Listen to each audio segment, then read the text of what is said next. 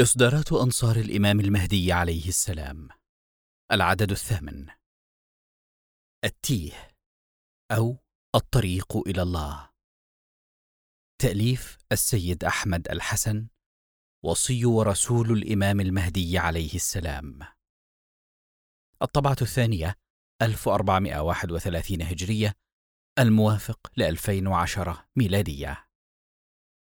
لمعرفة المزيد حول دعوة السيد أحمد الحسن عليه السلام يمكنكم الدخول إلى الموقع التالي www.المهديون.org بسم الله الرحمن الرحيم.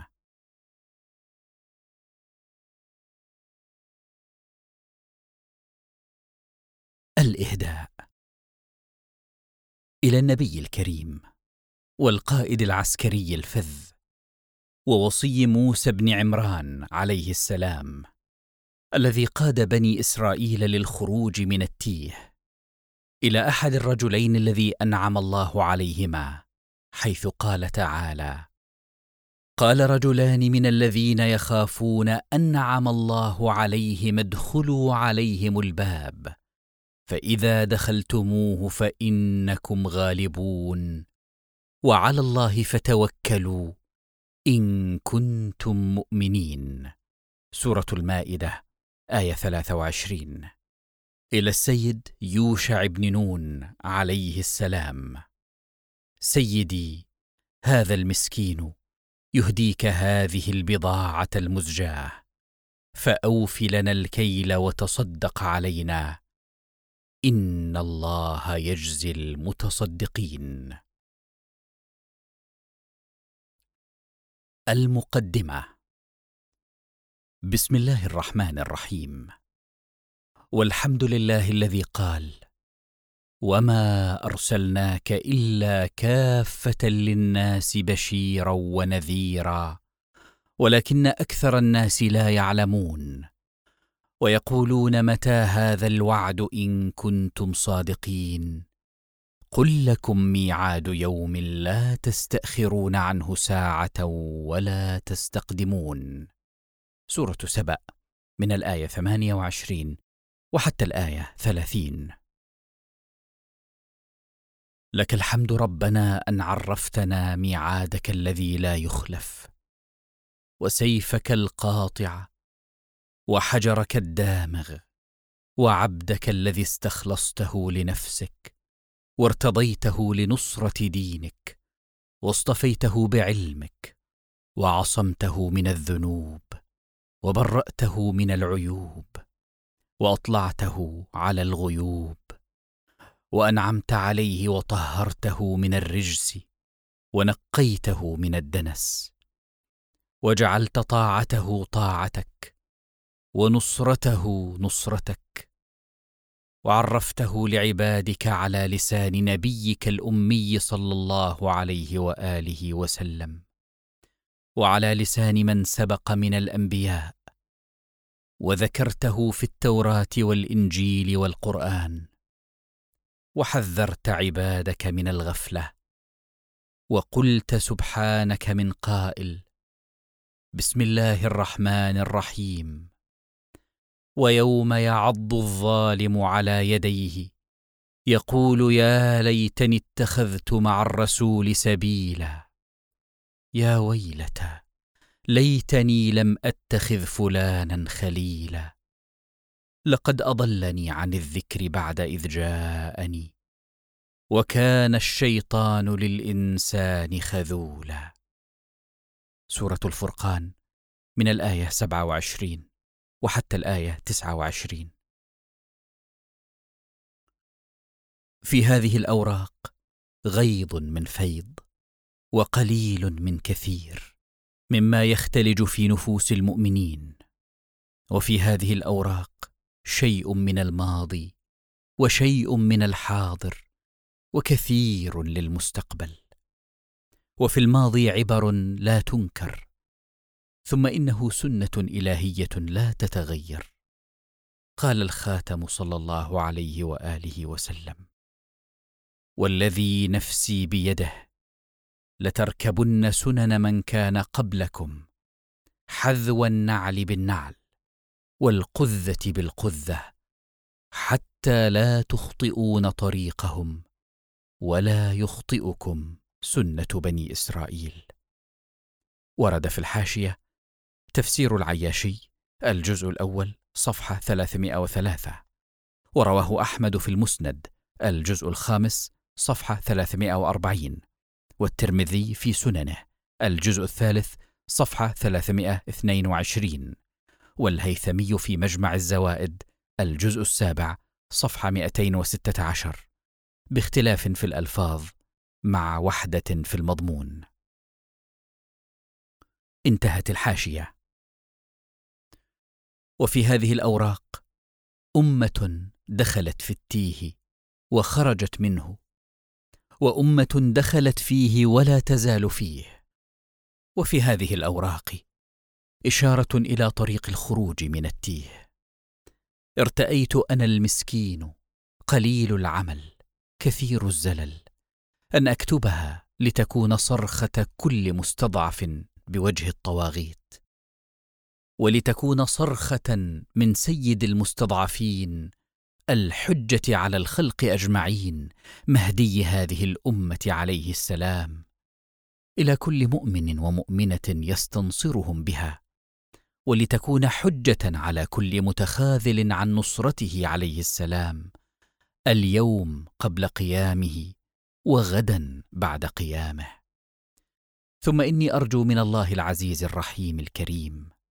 أن يجعلها حجة من حججه في عرصات يوم القيامة. والحمد لله الذي خلقني فهو يهديني. رب ألحقني بالصالحين ولا تخزني يوم يبعثون. يوم لا ينفع مال ولا بنون إلا من أتى الله بقلب سليم. رب وتقبل مني هذا العمل القليل. وأرض قلب صاحب الزمان عني. مولاي يا صاحب الزمان يا حجة الله في أرضه يا بقية الأنبياء والأوصياء أيها المظلوم المغصوب الحق يا أيها العزيز مسنا وأهلنا الضر وجئنا ببضاعة مزجاة فأوف لنا الكيل وتصدق علينا إن الله يجزي المتصدقين. مات التصبر في انتظارك. أيها المحيي الشريعة فانهض فما أبقى التحمل غير أحشاء جزوعة. قد مزقت ثوب الأسى وشكت لواصلها القطيعة. فالسيف آن به شفاء قلوب شيعتك الوجيعة. فسواه منهم ليس ينعش هذه النفس الصريعة. طالت حبال عواتق فمتى تعود به قطيعة؟ كم ذا القعود ودينكم هدمت قواعده الرفيعة؟ تنعى الفروع أصوله وأصوله تنعى فروعه. فيه تحكم من أباح اليوم حرمته المنيعة. من لو بقيمة قدره غليت ما ساوى رجيعة. فاشحذ شبا عضب له الأرواح مذعنة مطيعة. إن يدعها خفت لدعوته وإن ثقلت سريعة. واطلب به بدم القتيل بكربلا في خير شيعة. ماذا يهيجك إن صبرت لوقعة الطف الفظيعة؟ أترى تجيء فجيعة بأمض من تلك الفجيعة؟ حيث الحسين على الثرى خيل العدا طحن الضلوعه قتلته آل أمية ضامن إلى جنب الشريعة ورضيعه بدم الوريد مخضب. فاطلب رضيعة يا غيرة الله اهتفي بحمية الدين المنيعة وظب انتقامك جردي لطلى ذوي البغي التليعة ودعي جنود الله تملأ هذه الأرض الوسيعة واستأصلي حتى الرضيعه لآل حرب والرضيعه المصدر أبيات من قصيدة مشهورة لشاعر أهل البيت السيد حيدر الحلي رحمه الله. راجع ديوانه الجزء الأول صفحة 37 بسم الله الرحمن الرحيم. الحمد لله رب العالمين.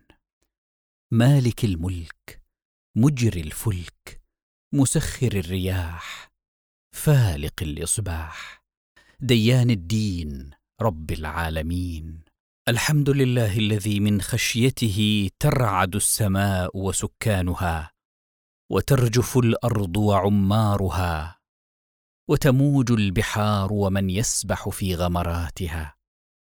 اللهم صل على محمد وآل محمد. الفلك الجارية في اللجج الغامرة يأمن من ركبها ويغرق من تركها. المتقدم لهم مارق والمتأخر عنهم زاهق واللازم لهم لاحق.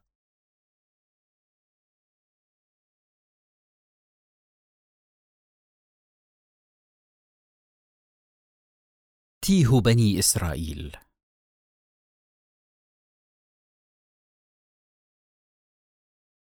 تاه بنو إسرائيل في سيناء أربعين سنة بعد خروجهم من مصر مع موسى وهارون عليهما السلام. وهذا التيه كان عقوبة لهم لتمردهم على موسى عليه السلام وعلى الأمر الإلهي بدخول الأرض المقدسة فلسطين. كما كان لإصلاحهم وتخليصهم من المفاسد التي ترسخت في نفوسهم نتيجة لتسلط فرعون وحزبه عليهم في مصر. وقد جاء ذكر التيه في القرآن. قال تعالى وإذ قال موسى لقومه يا قوم اذكروا نعمة الله عليكم. إذ جعل فيكم أنبياء وجعلكم ملوكا. وآتاكم ما لم يؤت أحدا من العالمين. يا قوم ادخلوا الأرض المقدسة التي كتب الله لكم ولا ترتدوا على أدباركم فتنقلبوا خاسرين. قالوا يا موسى إن فيها قوما جبارين وإنا لن ندخلها حتى يخرجوا منها فإن يخرجوا منها فإنا داخلون. قال رجلان من الذين يخافون انعم الله عليهما. ادخلوا عليهم الباب. فإذا دخلتموه فإنكم غالبون. وعلى الله فتوكلوا إن كنتم مؤمنين. قالوا يا موسى إنا لن ندخلها أبدا ما داموا فيها. فاذهب أنت وربك فقاتلا. انا هاهنا قاعدون. قال رب اني لا املك الا نفسي واخي. فافرق بيننا وبين القوم الفاسقين. قال فانها محرمه عليهم اربعين سنه يتيهون في الأرض. فلا تاس على القوم الفاسقين. سوره المائده من الآية عشرين وحتى الآية ستة وعشرين.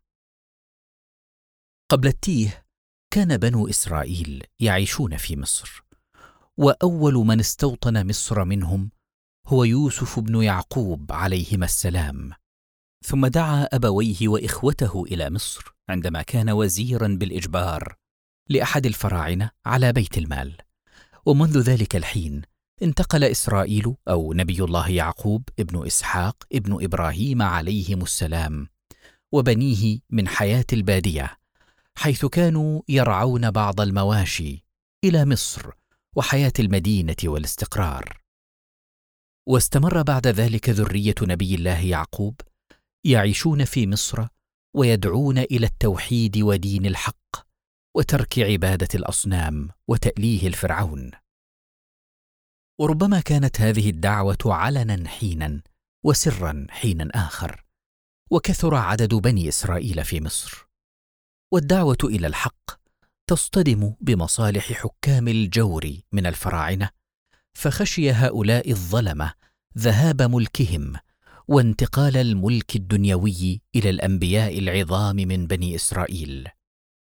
ولذلك مارسوا أشد أنواع البطش والإرهاب مع بني إسرائيل فأذلوهم واستضعفوهم وقتلوا أبناءهم ومنعوهم من ممارسة عباداتهم وشعائر الله وحاولوا بكل طريق طمس تعاليم دين التوحيد وجبر المصريين وبني إسرائيل على الشرك والكفر بالله وبدينه وإطاعة الفرعون وكل ما يأمرهم به من عبادة التماثيل والصور وقتل المؤمنين. ولولا عقيدة الانتظار التي كانت موجودة عند بني إسرائيل التي أوجدتها في نفوسهم بشارة الأنبياء عليهم السلام بالخلف المنتظر الذي سيقضي على فرعون وهامان وجنودهم. لما بقي فيهم مؤمن ولما اجتمعوا حول هذا المنقذ عندما جاء. ولكن للأسف كان اجتماع مستضعفين حول قائد سيخلصهم من ظلم طاغوت فحسب.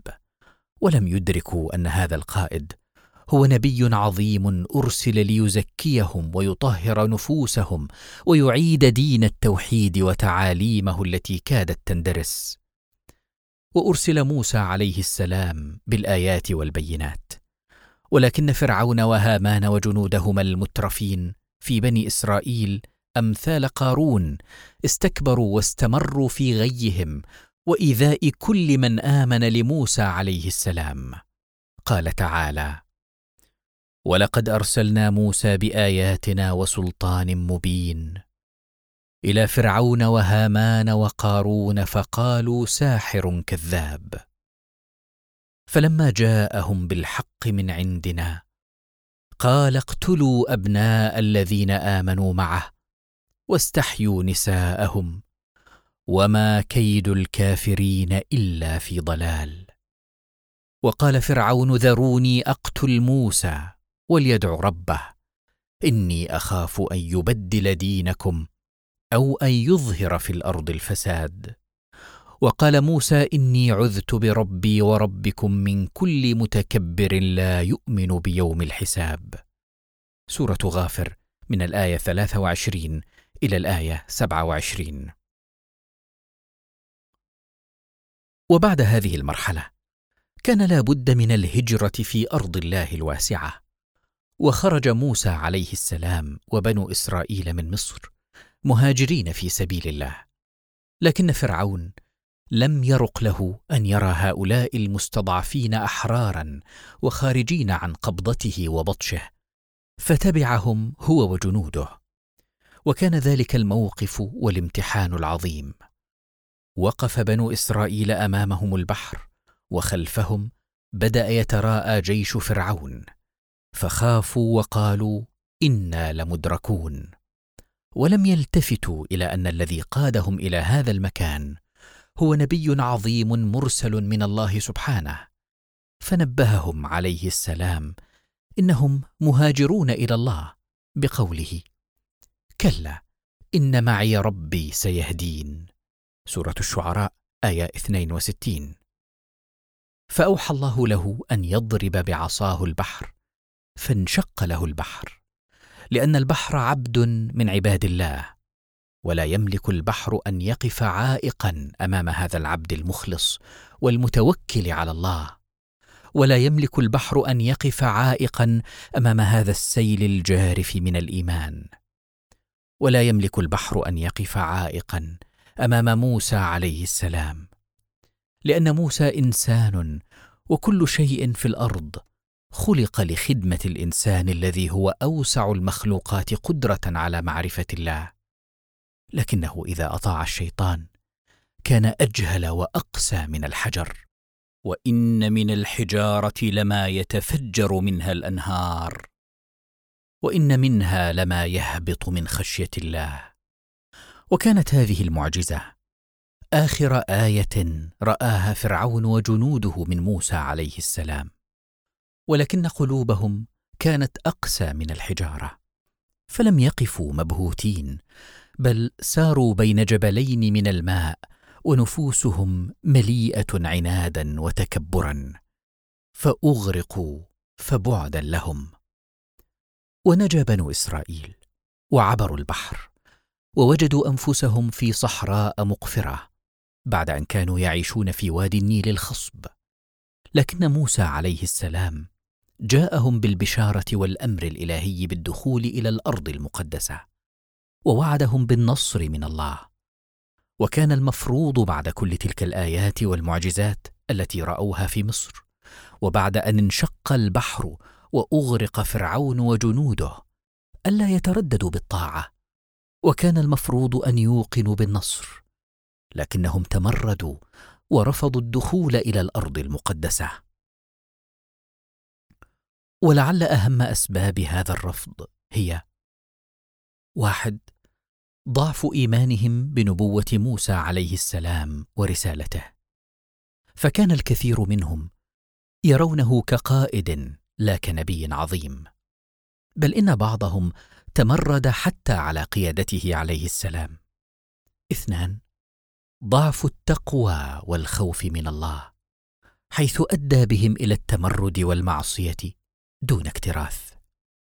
ثلاثة ضعف النفوس والخوف من الطواغيت والخضوع والاستسلام لهم والأنس بالظلم وبالتالي ترك الجهاد في سبيل الله. أربعة الاهتمام بالحياة الدنيا أكثر من الآخرة وبالتالي ترسخ حب الدنيا في نفوسهم والتمسك بالحياة بشكل غير طبيعي كما هو حال الكثير من المسلمين اليوم. خمسة انتشار حب الذات بينهم حتى إن بعضهم كان يرى نفسه أفضل من موسى وهارون عليهما السلام ولا يقبل قيادتهما له. كما جاء في التوراة سفر العدد الإصحاح السادس عشر. وأخذ قورح بن يصهار ابن قهات ابن لاوي وأذثان وابيرام أبناء الباب وآون بن قالت ابن داوبين يقاومون موسى مع أناس من بني إسرائيل مئتين وخمسين رؤساء الجماعة مدعوين للاجتماع ذوي اسم فاجتمعوا على موسى وهارون وقالوا لهما كفاكما أن كل الجماعة بأسرها مقدسة وفي وسطها الرب فما بالكما ترتفعان على جماعة الرب. فلما سمع موسى سقط على وجهه فأرسل موسى ليدعو داثان وإبرام ابني إلياب فقال لا نصعد قليل إنك أصعدتنا من أرض تفيض لبنا وعسلا لتميتنا في البرية حتى تترأس علينا أيضا تراسا. وجاء في القرآن قريب من هذا المعنى.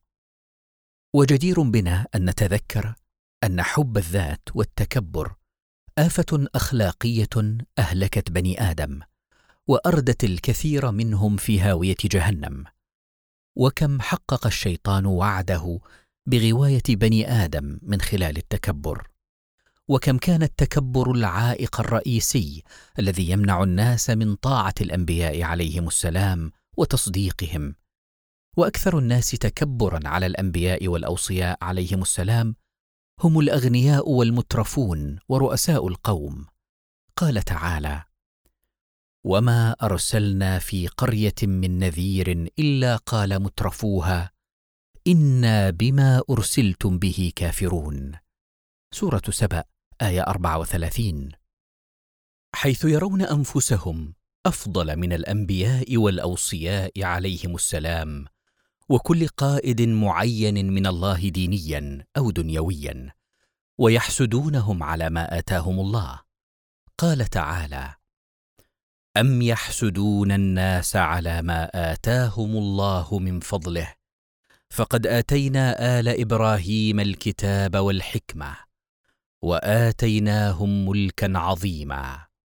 فمنهم من آمن به ومنهم من صد عنه. وكفى بجهنم سعيرا.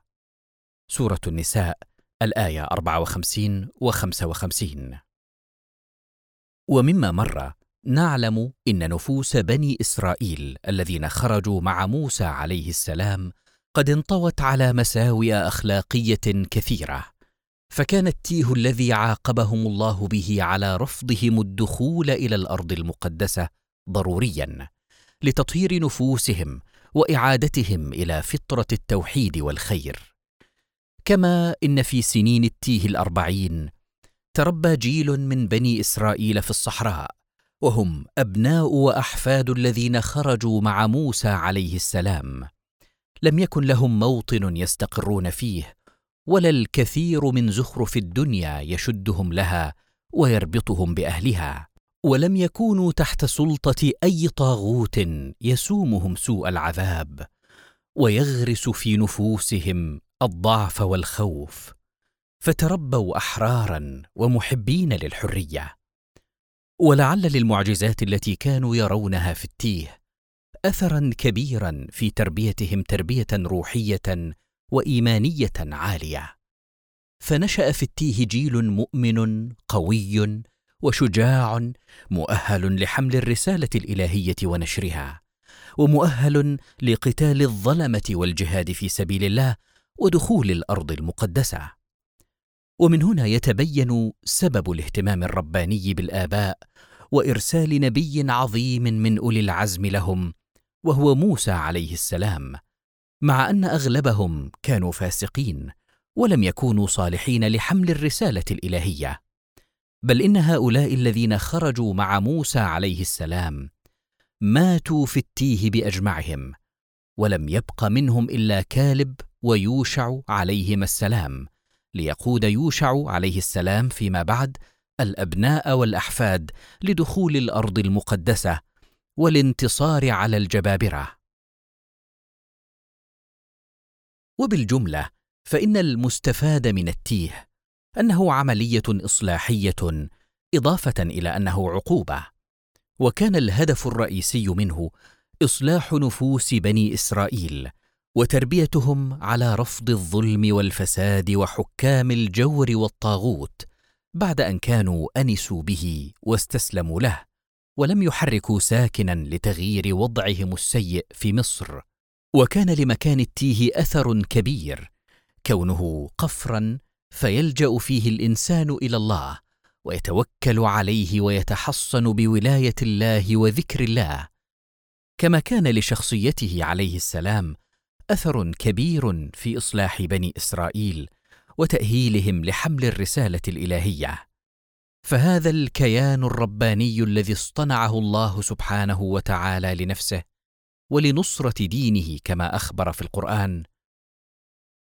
ورد في الحاشية يشير عليه السلام إلى قوله تعالى واصطنعتك لنفسي اذهب أنت وأخوك بآياتي ولا تنيا في ذكري اذهبا إلى فرعون إنه طغى. سورة طه الآيات أربعة عشر وثلاثة وأربعين. انتهت الحاشية. جاهد في سبيل الله وحيدا عندما كان في قصر فرعون فساعد المظلومين ووقف في وجه المتكبرين وعندما لم يكن بد من استخدام القوة قتل أحد هؤلاء الظلمة كما جاء في القرآن. قال تعالى ودخل المدينة على حين غفلة من أهلها فوجد فيها رجلين يقتتلان هذا من شيعته وهذا من عدوه. فاستغاثه الذي من شيعته على الذي من عدوه. فوكزه موسى فقضى عليه. قال هذا من عمل الشيطان. إنه عدو مضل مبين. سورة القصص آية خمسة عشر. أما قوله عليه السلام هذا من عمل الشيطان. فربما قالها قاصدا الأمر الذي وقع بسببه القتل أو لعله قصد الشخص المقتول نفسه فهو من عمل الشيطان باعتبار أن من لوث فطرة التوحيد والخير فيه هو الشيطان. وخرج موسى عليه السلام بعد هذه الحادثة من مصر خائفا على دينه مترقبا رحمة الله. معاهدا الله على ما أعطاه من قوة وإيمان وهداية الا يكون عونا لظالم ولو بالسكوت على ظلمه. فهاجر إلى الله تاركا العالم المادي الخسيس والترف الموجود في قصر فرعون راضيا قانعا بقسم الله. فرزقه الله اللحاق بنبي عظيم وهو شعيب عليه السلام. والزواج بإحدى بناته وبقي عنده عشر سنين. يرعى الغنم ولعل هذا من اصطناع الله له. ثم شاء الله أن يعيده إلى قومه في مصر بعد هذه الغيبة عنهم ليخرجهم من الظلمات إلى النور ومن العبودية إلى الحرية. فأخرج منهم جيلا صالحا ربانيا مؤهلا لحمل الرسالة الإلهية كما مر. ولم يكن ليخرج هؤلاء الأبناء الأحرار الخاضعون لله من أولئك الآباء العبيد المتمردين على أمر الله لولا رحمة الله وفضله عليهم ولولا هذا الكيان المقدس موسى عليه السلام الذي اصطنعه الله وزكاه. التيه في الأمة الإسلامية. ضيع المسلمون الطريق بعد وفاة رسول الله محمد بن عبد الله صلى الله عليه وآله وسلم. حيث قفز أبو بكر وجماعة من المنافقين إلى السلطة واغتصب خلافة رسول الله صلى الله عليه وآله وسلم. وتخاذل معظم الصحابة عن نصرة وصي رسول الله صلى الله عليه وآله وسلم المعين من الله علي بن أبي طالب عليه السلام. حيث نصبه رسول الله صلى الله عليه وآله وسلم بأمر من الله أميرا للمؤمنين وخليفة لرسول رب العالمين صلى الله عليه وآله وسلم من بعده في غدير خم في حجة الوداع. ولم يكتفوا باغتصاب حق الإمام علي عليه السلام وحق الإنسانية بأن تصل لها كلمة لا إله إلا الله محمد رسول الله صلى الله عليه وآله وسلم. بل تجاوز الأمر إلى محاولة عمر بن الخطاب وجماعة من المنافقين إحراق بيت فاطمة الزهراء عليها السلام وهي بنت رسول الله صلى الله عليه وآله وسلم الوحيدة من صلبه وهي والحسن والحسين وعلي عليهم السلام من فرض الله مودتهم في القرآن. قال تعالى قل لا أسألكم عليه أجرا إلا المودة في القربى. سورة الشورى آية 23 ولما لم تنفع هذه المحاولة لإخراج الإمام عليه السلام لبيعة أبي بكر كرها اقتحموا الدار على الزهراء عليها السلام وكسروا ضلعها وأسقطوا جنينها ونبت المسمار في صدرها. وهي التي قال فيها رسول الله صلى الله عليه وآله وسلم أم أبيها وبضعة مني ويرضى الله لرضاها ويغضب لغضبها وسيدة نساء العالمين من الأولين والآخرين. ورد في الحاشية راجع أسد الغابة لابن الأثير الجزء الخامس صفحة 520 مسند أحمد الجزء الرابع صفحة خمسة. صحيح البخاري الجزء الرابع صفحة 210 صحيح مسلم الجزء السابع صفحة 141 سنن الترمذي الجزء الخامس صفحة 360 فضائل الصحابة للنسائي صفحة 87 السنن الكبرى للبيهقي الجزء العاشر صفحة 210 الاستيعاب لابن عبد البر الجزء الرابع صفحة 1895 ذخائر العقبة صفحة 43 تاريخ دمشق الجزء الثاني والأربعين صفحة 134 الإصابة الجزء الثامن صفحة 102 وغيرها من المصادر عند الفريقين التي جاءت فيها ذكر فضائل الصديقة فاطمة الزهراء عليها السلام.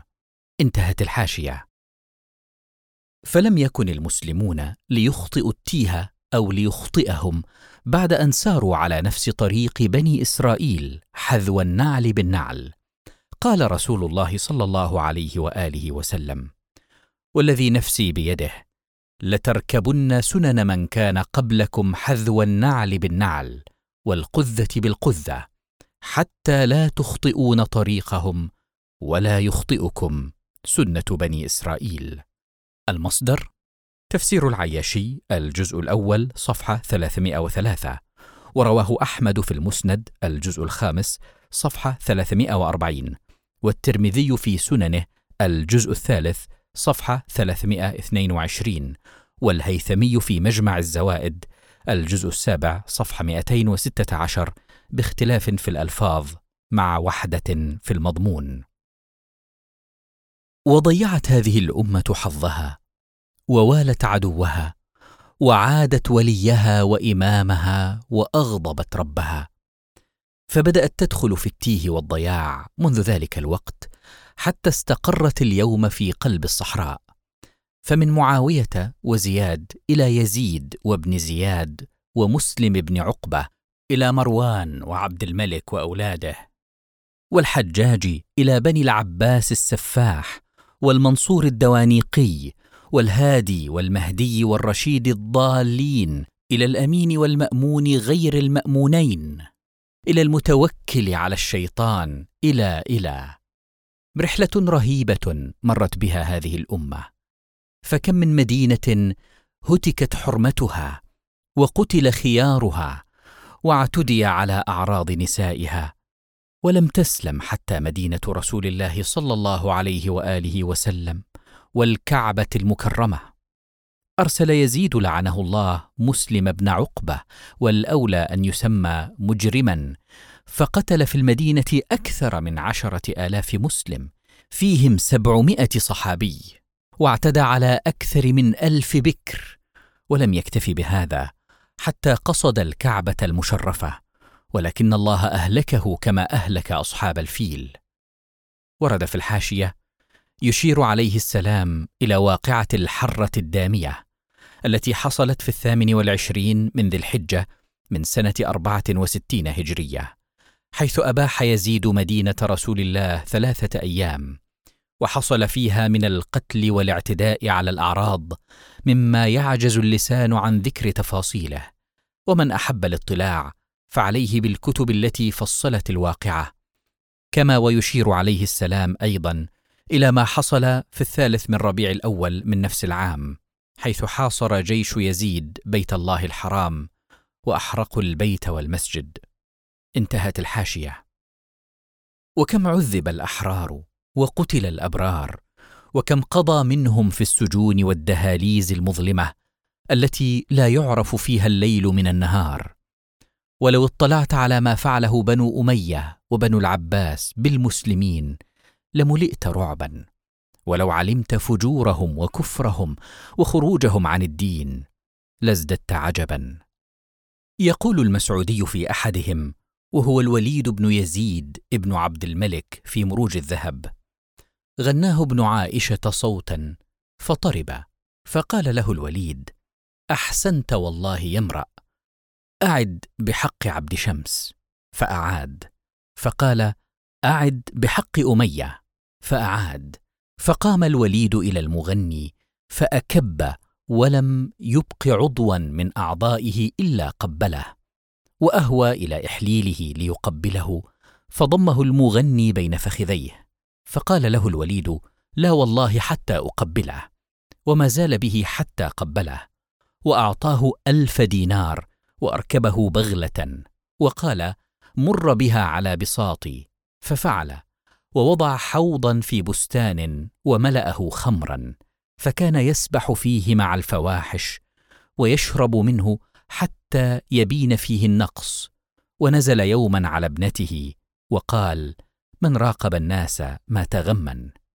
المصدر انظر الكنى والألقاب الجزء الأول صفحة 346 وقال السيد المرتضى في الأمالي أخبرنا أبو عبيد الله المرزباني قال حدثني أحمد بن كامل قال كان الوليد بن يزيد زنديقا وإنه افتتح المصحف يوما فرأى فيه واستفتحوا وخاب كل جبار عنيد. سورة إبراهيم آية خمسة عشر. فاتخذ المصحف غرضا ورماه حتى مزقه بالنبل وهو يقول أتوعد كل جبار عنيد؟ فها أنا ذاك جبار عنيد فإن لاقيت ربك يوم حشر فقل يا ربي خرقني الوليد. المصدر أمال السيد المرتضى الجزء الأول صفحة 90 وإني لآسف أن أنقل تاريخ مثل هذه القذرات وما ذكرت غيضا من فيض ولو لم يكن إلا قتل هؤلاء الحكام الظلمة لذرية رسول الله صلى الله عليه وآله وسلم وتشريدهم إلى أقاصي البلاد حيث نجد اليوم ذرية رسول الله صلى الله عليه وآله وسلم يعيشون في إيران وأفغانستان والهند والبلاد البعيدة عن مدينة جدهم صلى الله عليه وآله وسلم لكفى به دليلا على خروجهم عن الدين ومحاربتهم الإسلام ولكفى به دليلا على حقدهم على رسول الله صلى الله عليه وآله وسلم. واستمر هذا الظلم والفساد حتى يومنا هذا. ثرواتنا بيد طواغيت يعيثون بها فسادا في البلاد والعباد ويغدقون على من يعبدهم من دون الله. سجونهم لم يعرف لها التاريخ مثيلا فيها من أساليب التعذيب ما تقشعر له الأبدان وجيوشهم مزودة بكل أنواع الأسلحة لا للدفاع عن البلاد الإسلامية بل لقمع الشعوب الإسلامية. وكل من يعلو صوته بكلمة لا إله إلا الله ويدعو المسلمين إلى الحكم بما أنزل الله يلقى في تلك الدهاليز المظلمة أو يقتل. ولا نعلم متى سينتهي هذا التيه والضياع ومتى سيعود الإسلام ليحكم المسلمين كما كان في عهد رسول الله صلى الله عليه وآله وسلم وينشر العدل في البلاد الإسلامية وبالتالي في كل الأرض. لكننا نعلم يقينا أنه سيعود لأن رسول الله صلى الله عليه وآله وسلم وعدنا وأخبرنا أن الإسلام يعود غضا طريا في آخر الزمان على يدي ولده المهدي عليه السلام.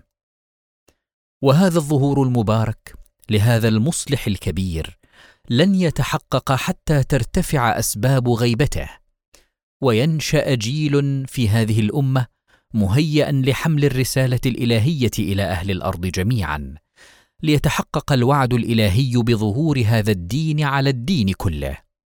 فإذا كنا فعلا نريد أن يتحقق العدل على الأرض ونريد أن نخرج من هذه الصحراء وهذا التيه ونريد ظهور الإمام المهدي عليه السلام. فعلينا أن نعود إلى الإسلام الذي يريده الله لا الذي يريده الطواغيت. قال تعالى ولقد بعثنا في كل أمة رسولا أن اعبدوا الله واجتنبوا الطاغوت فمنهم من هدى الله ومنهم من حقت عليه الضلاله. فسيروا في الأرض فانظروا كيف كان عاقبة المكذبين. سورة النحل آية 36 إن الطواغيت الذين تسلطوا على هذه الأمة اليوم بمساعدة أمريكا وإن كانوا يظهرون العداء لها ليتموا فصول هذه المسرحية المقيتة يريدون تهميش الإسلام وجعل المسلم قلبا فارغا من الإيمان بالله مغلفا بقشور دينية لا حقيقة لها. ولو استطاعوا نبذ هذه القشور ومحاربتها لما تورعوا. كما فعلوا في تركيا اليوم ومن كان يشك في عمالتهم لأمريكا والصهيونية وخصوصا الذين يدعون أنهم أعداء لها فليراجع تاريخهم الأسود وسيجدهم في كل يوم يبقون في السلطة يخدمون أسيادهم الأمريكان والصهاينة بحروب يشنونها على المسلمين والعرب وبقمع كل حركة إسلامية وصحوة دينية. ومن كان يريد دليلا أكثر من هذا فليراجع التوراة سفر دانيال وسيجد أن في منطقة الشرق الأوسط عشرة ملوك عملاء لأمريكا أو كما يرمز لها بمملكة حديدية تأكل وتدوس كل الممالك على الأرض. ولكن سيدوسها إن شاء الله مهدي هذه الأمة عليه السلام كما جاء في سفر دانيال نفسه. ثم إن الطاغية لا يهمه إلا نفسه وما يبقيه في السلطة. ولا يقوم عرشه إلا على الدماء والأشلاء فيقتل كل من يرفض ولايته وتسلطه ويشغل الشعب بالأزمات التي لا تنتهي إلا بانتهاء حكمه. فيشهر الحروب وينشر بين القبائل العصبية والنعرات الشيطانية بل ويمنع حتى الرغيف عن الشعب ليشغلهم بتحصيله. إن الحياة تحت ظل الطاغوت ذل بل هي الموت في الحياة إنها خسران الدنيا والآخرة. يقول الفيلسوف اليوناني أفلاطون في وصف حكومة الطاغوت وتكوينها ويبرز بين دعاة الديمقراطية وحماة الشعب أشدهم عنفا وأكثرهم دهاء فينفي الأغنياء أو يعدمهم ويلغي الديون ويقسم الأراضي ويؤلف لنفسه حامية يتقي بها شر المؤامرات فيغتبط به الشعب ويستأثر هو بالسلطة ولكي يمكن لنفسه ويشغل الشعب عنه ويديم الحاجة إليه يشهر الحرب على جيرانه بعد أن كان سالمهم ليفرغ إلى تحقيق أمنيته في الداخل ويقطع رأس كل منافس أو ناقد ويقصي عنه كل رجل فاضل ويقرب إليه جماعة من المرتزقة والعتقاء ويجزل العطاء للشعراء الذين نفيناهم من مدينتنا فيكيلون له المديح كيلا وينهب الهياكل ويعتصر الشعب ليطعم حراسه وأعوانه. فيدرك الشعب أنه انتقل من الحرية إلى الطغيان وهذه هي الحكومة الأخيرة. انتهى الاقتباس. أما عبيد الطاغوت ومرتزقته فيتوهمون أنهم آمنون وحياتهم مستقرة وادعة. فهم ما داموا في خدمة الطاغية لن يمسهم سوء فسيدهم قوي يقطع الرقاب والشعب خاضع واستسلم للظلم. وهذا وهم لأن النار تبقى تحت الرماد. قال تعالى مثل الذين اتخذوا من دون الله أولياء كمثل العنكبوت اتخذت بيتا. وإن أوهن البيوت لبيت العنكبوت لو كانوا يعلمون. سورة العنكبوت آية 41 والحق ما يعرفه كل من تتبع تاريخ الأمم والشعوب حيث تكون نهاية كل طاغية ومرتزقته بثورة المستضعفين والمظلومين وسيعلم الذين ظلموا أي منقلب ينقلبون. أما الذين استسلموا للطواغيت وخضعوا لهم وهم يزعمون أنهم مسلمون فهم خارجون من ولاية الله ولكنهم لا يعلمون. قال تعالى ألم تر إلى الذين يزعمون أنهم آمنوا بما أنزل إليك وما أنزل من قبلك يريدون أن يتحاكموا إلى الطاغوت وقد أمروا أن يكفروا به ويريد الشيطان أن يضلهم ضلالا بعيدا. سورة النساء آية 60 ويزج بهم الطواغيت في حروب مع الشعوب الإسلامية ولا يتورعون عن معاونتهم خوفا منهم. ويقاتلون أولياء الله وينتهكون حرمات المؤمنين. فأي حال أسوأ من حالهم وأي كفر أعظم من كفرهم وهم ينصرون أعداء الله. قال تعالى الذين آمنوا يقاتلون في سبيل الله والذين كفروا يقاتلون في سبيل الطاغوت فقاتلوا أولياء الشيطان إن كيد الشيطان كان ضعيفا. سورة النساء آية 76 ولعل بعضهم يتعذر بأنه يخاف من الطواغيت ويخاف من القتل ولكنه عذر قبيح غير مقبول. فإذا كان لا بد من حمل السلاح فلنحمله بوجه الطواغيت لا لنصرتهم. قال تعالى ان الذين توفاهم الملائكه ظالمي انفسهم. قالوا فيم كنتم؟ قالوا كنا مستضعفين في الأرض. قالوا الم تكن ارض الله واسعه فتهاجروا فيها؟ فاولئك ماواهم جهنم وساءت مصيرا. سورة النساء آية 97 وقال تعالى قال الذين استكبروا للذين استضعفوا. أنحن صددناكم عن الهدى بعد إذ جاءكم بل كنتم مجرمين. وقال الذين استضعفوا للذين استكبروا بل مكر الليل والنهار إذ تأمروننا أن نكفر بالله ونجعل له أندادا. وأسروا الندامة لما رأوا العذاب وجعلنا الأغلال في أعناق الذين كفروا. هل يجزون إلا ما كانوا يعملون؟ سورة سبأ آية 32 و 33 وكما إن معاونة الطواغيت والركون إليهم محرمة كذلك فإن ترك الجهاد وترك الأمر بالمعروف والنهي عن المنكر محرم فإن الابتعاد عن حياة المسلمين لا يسقط التكليف ومن بات لا يهتم بأمور المسلمين فليس منهم. وإن كان فقيها يدعي النيابة العامة عن الإمام عليه السلام. ولينظر كل إنسان مسلم إلى قلبه وما فيه. أخشية الله أم خشية الطاغوت؟ والخوفان لا يجتمعان في قلب المؤمن. فإن الخوف من الله يصير الطواغيت في عين المؤمن أحقر من البعوض. فلا يكون لهم أي تأثير عليه أو على قراراته إلا في حدود التقية الواجبة. قال تعالى ألم تر إلى الذين قيل لهم كفوا أيديكم وأقيموا الصلاة وآتوا الزكاة. فلما كتب عليهم القتال إذا فريق منهم يخشون الناس كخشية الله أو أشد خشية. وقالوا ربنا لم كتبت علينا القتال؟ لولا أخرتنا إلى أجل قريب. قل متاع الدنيا قليل والآخرة خير لمن اتقى. ولا تظلمون فتيلا. سورة النساء آية 77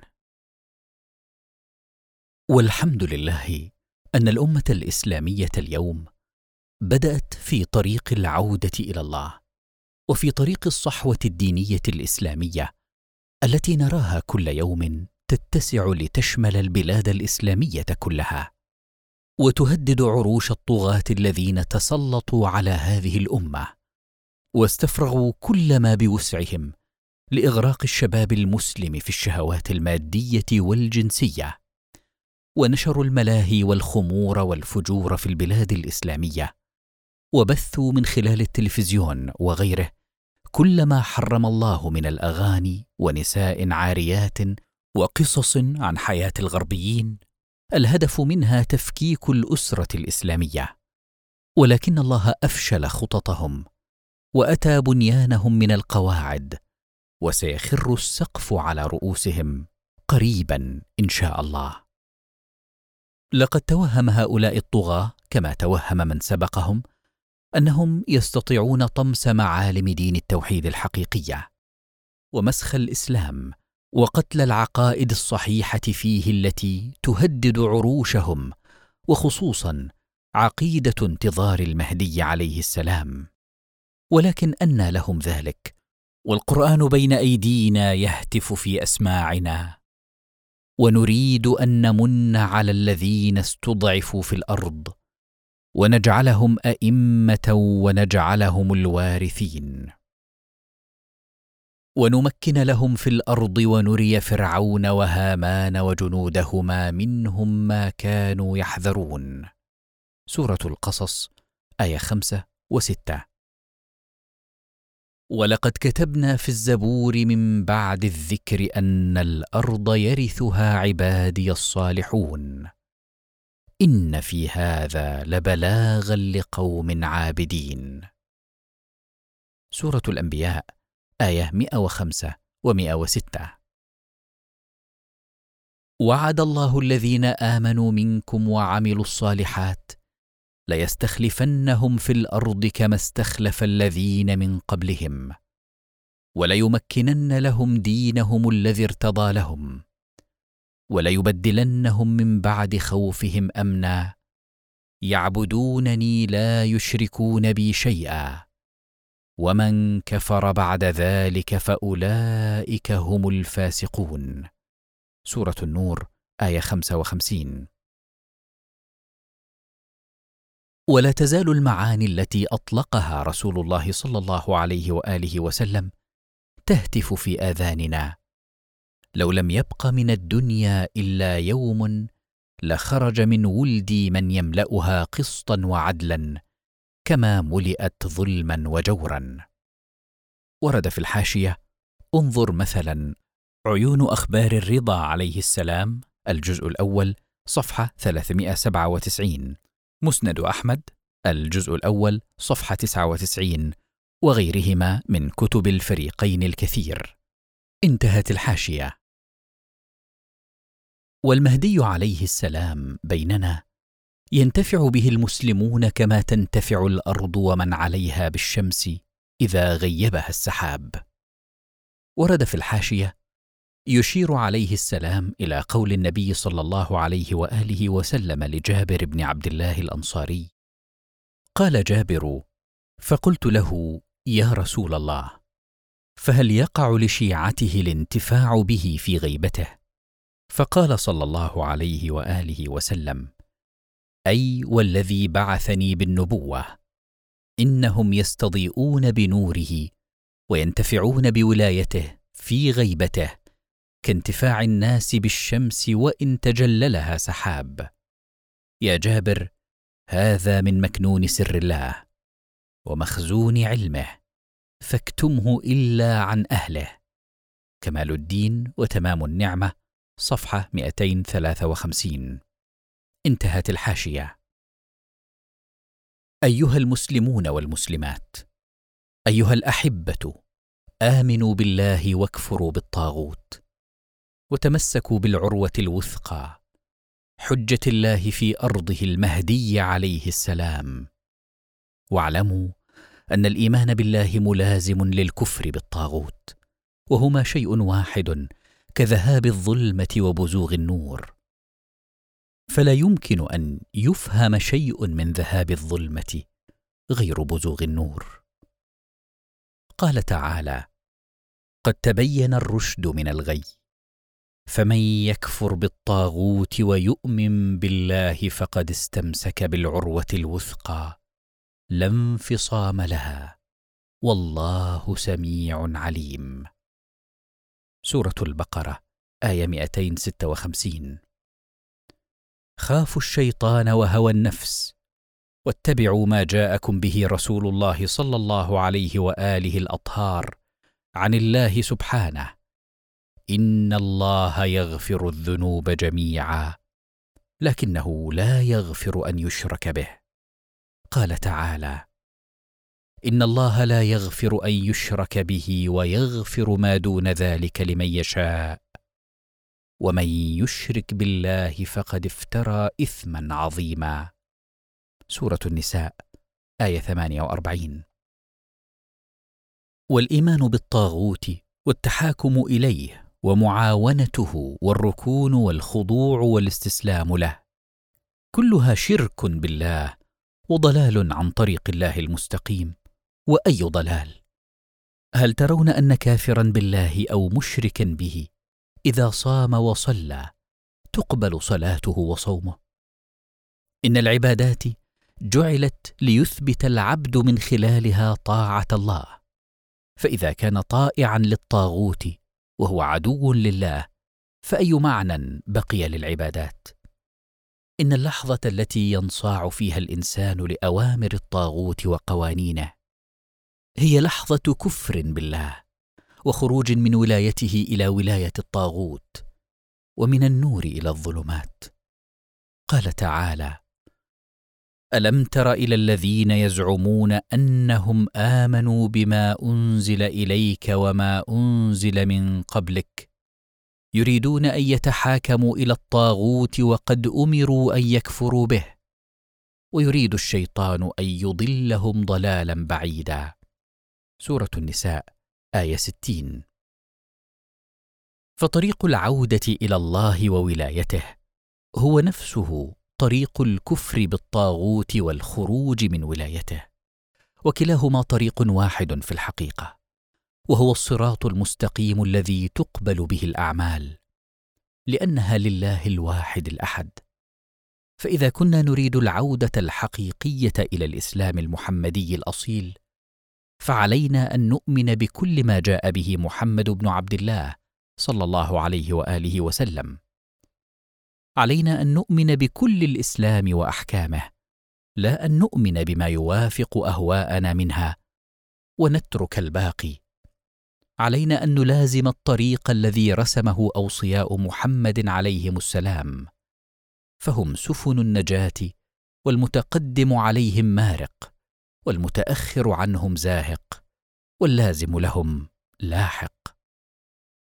أما الذين يكفرون ببعض الكتاب ويؤمنون ببعض فسيجدون أنفسهم في النهاية يلهثون وراء سراب في الصحراء. وليكن لنا كمؤمنين في السحرة الذين آمنوا بموسى عليه السلام قدوة.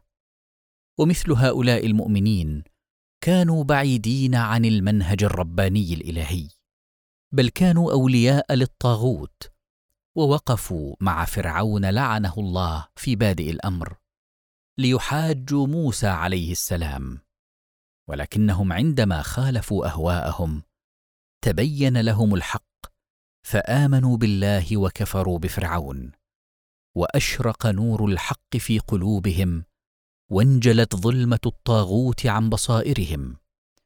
ووقفوا هذه المرة مع موسى عليه السلام ليجاهدوا في سبيل الله ويقارعوا فرعون لعنه الله وليبينوا للناس كذبه وهوانه وضعفه. قال تعالى فألقي السحرة سجدا قالوا آمنا برب هارون وموسى. قال آمنتم له قبل أن آذن لكم إنه لكبيركم الذي علمكم السحر. فلاقطعن أيديكم وأرجلكم من خلاف ولاصلبنكم في جذوع النخل ولتعلمن أينا أشد عذابا وأبقى. قالوا لن نؤثرك على ما جاءنا من البينات والذي فطرنا فاقض ما أنت قاض إنما تقضي هذه الحياة الدنيا. سورة طه من الآية سبعين. وحتى اثنين وسبعين. إن هؤلاء العباد المؤمنين هانت الدنيا في أعينهم غاية الهوان فلم يكن لتهديد فرعون لعنه الله بأن يقطع أيديهم وأرجلهم ويصلبهم أي تأثير على قرارهم باتباع الحق ولم يؤثروا الحياة بل اتضحت لهم حقيقة الدنيا وهذا العالم المادي الذي يتكالب عليه فرعون وهامان وقارون وأمثالهم ونجح السحرة في الامتحان واجتازوا العقبة ففازوا برضا الله فطوبى لهم وحسن مآب.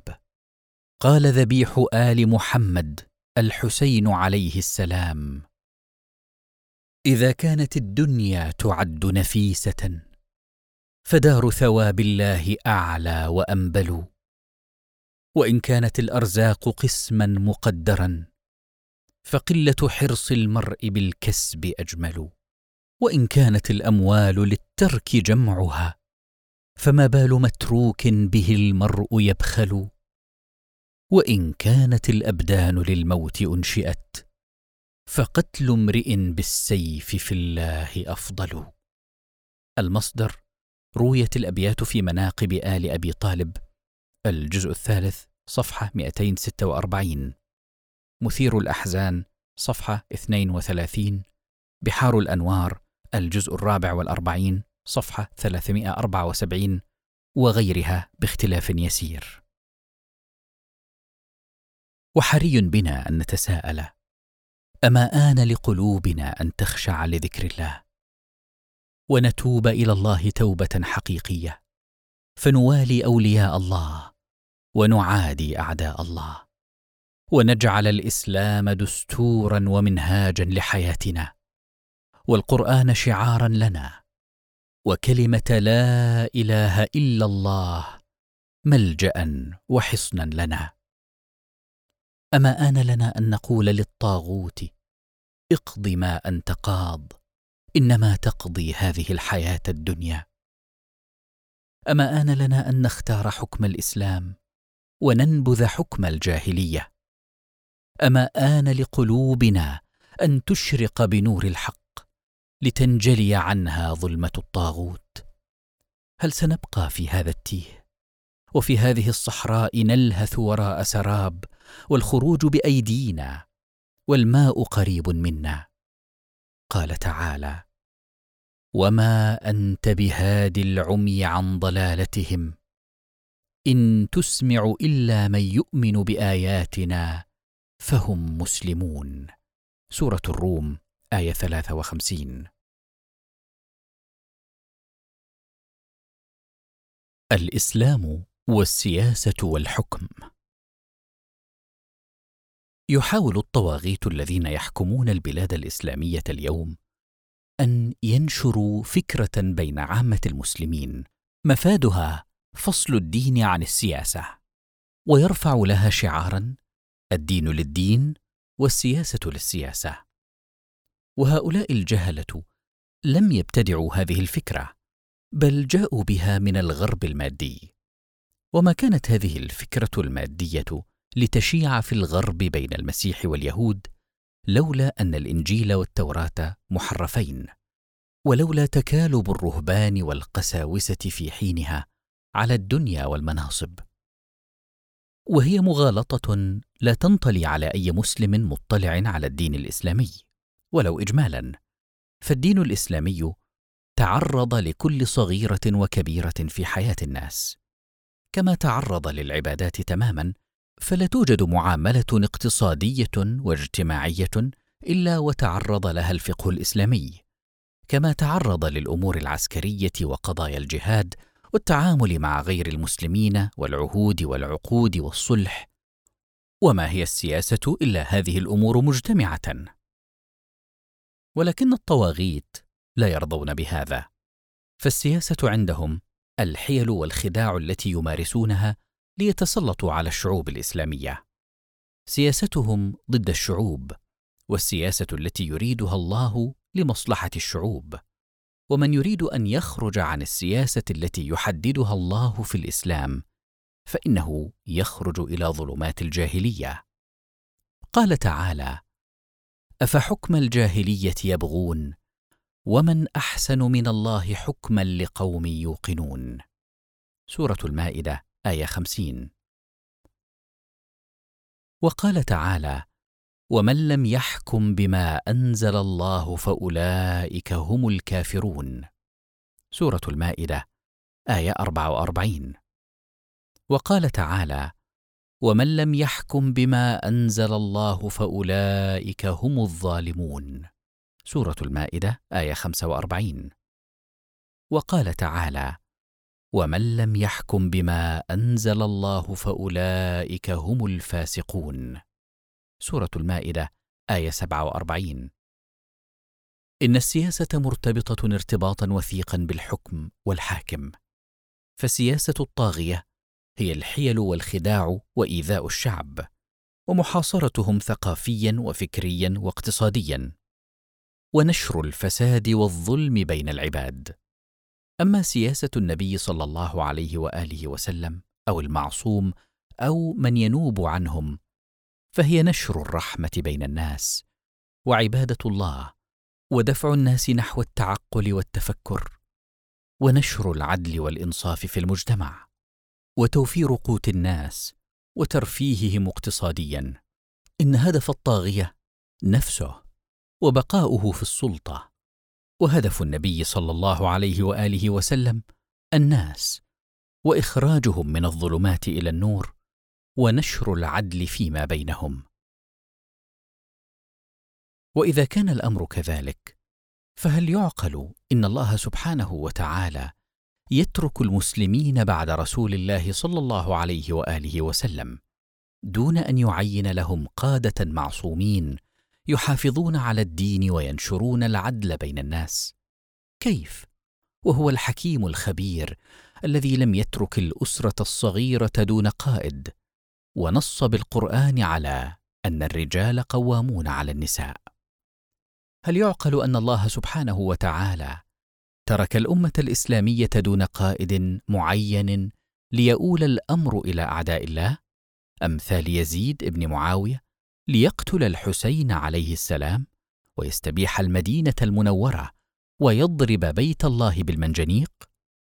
ثم إن أي إنسان يمتلك سفينة صغيرة عليها مجموعة من العمال هل يتركهم دون أن يعين قائدا للسفينة؟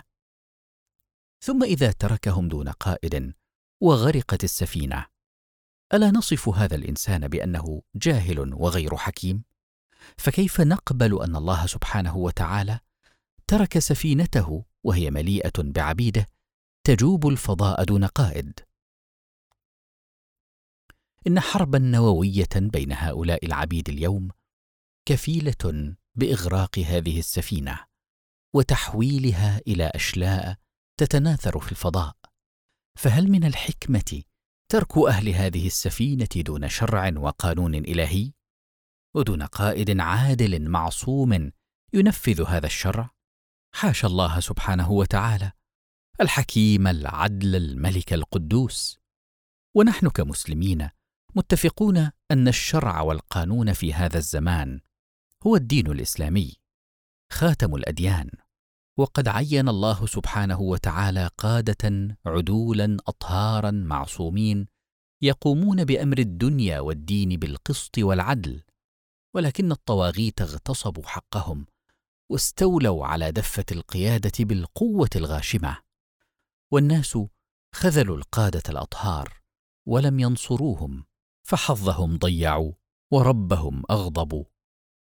وقد اتفق المسلمون على أن عددهم اثنا عشر كما جاء في الحديث النبوي الصحيح المتواتر. ورد في الحاشية روى أحمد في المسند بسنده قال رسول الله صلى الله عليه وآله وسلم لا يزال الدين قائما حتى يكون اثنا عشر خليفة من قريش. الجزء الخامس صفحة 86 وروى أيضا عن جابر بن سمرة قال سمعت رسول الله صلى الله عليه وآله وسلم يقول في حجة الوداع إن هذا الدين لن يزال ظاهرا على من ناواه. لا يضره مخالف ولا مفارق حتى يمضي من أمتي اثنا عشر خليفة. قال ثم تكلم بشيء لم أفهمه. فقلت لأبي ما قال؟ قال كلهم من قريش. الجزء الخامس صفحة 87 ورواه مسلم في صحيحه باختلاف يسير. الجزء السادس صفحة ثلاثة. ورواه أبو داود في سننه بزيادة. راجع سنن أبي داود الجزء الثاني صفحة 309 وكذلك روى كون الخلفاء بعد النبي اثنا عشر غير من تقدم ذكرهم. فراجع. انتهت الحاشية. ونقول إن أولهم علي عليه السلام وخاتمهم المهدي عليه السلام. ولا يتحقق حديث الخلفاء ومن بعد اثنا عشر إلا بهم وادعى كل منهم الإمامة وقيادة الأمة الدينية والدنيوية ونص على الذي بعده كما نص عليهم النبي صلى الله عليه وآله وسلم بالأسماء. واتفق أهل كل زمان أنهم أكمل وأعلم أهل زمانهم ولم ينقل عن أحدهم طلب العلم على أحد من الناس بل إن علمهم لدني بإلهام من الله وهم ذرية محمد صلى الله عليه وآله وسلم ومن ذرية إبراهيم صلى الله عليه وآله وسلم الذي نص القرآن على إمامتهم وتوعد من كفر بها بجهنم. قال تعالى أم يحسدون الناس على ما آتاهم الله من فضله؟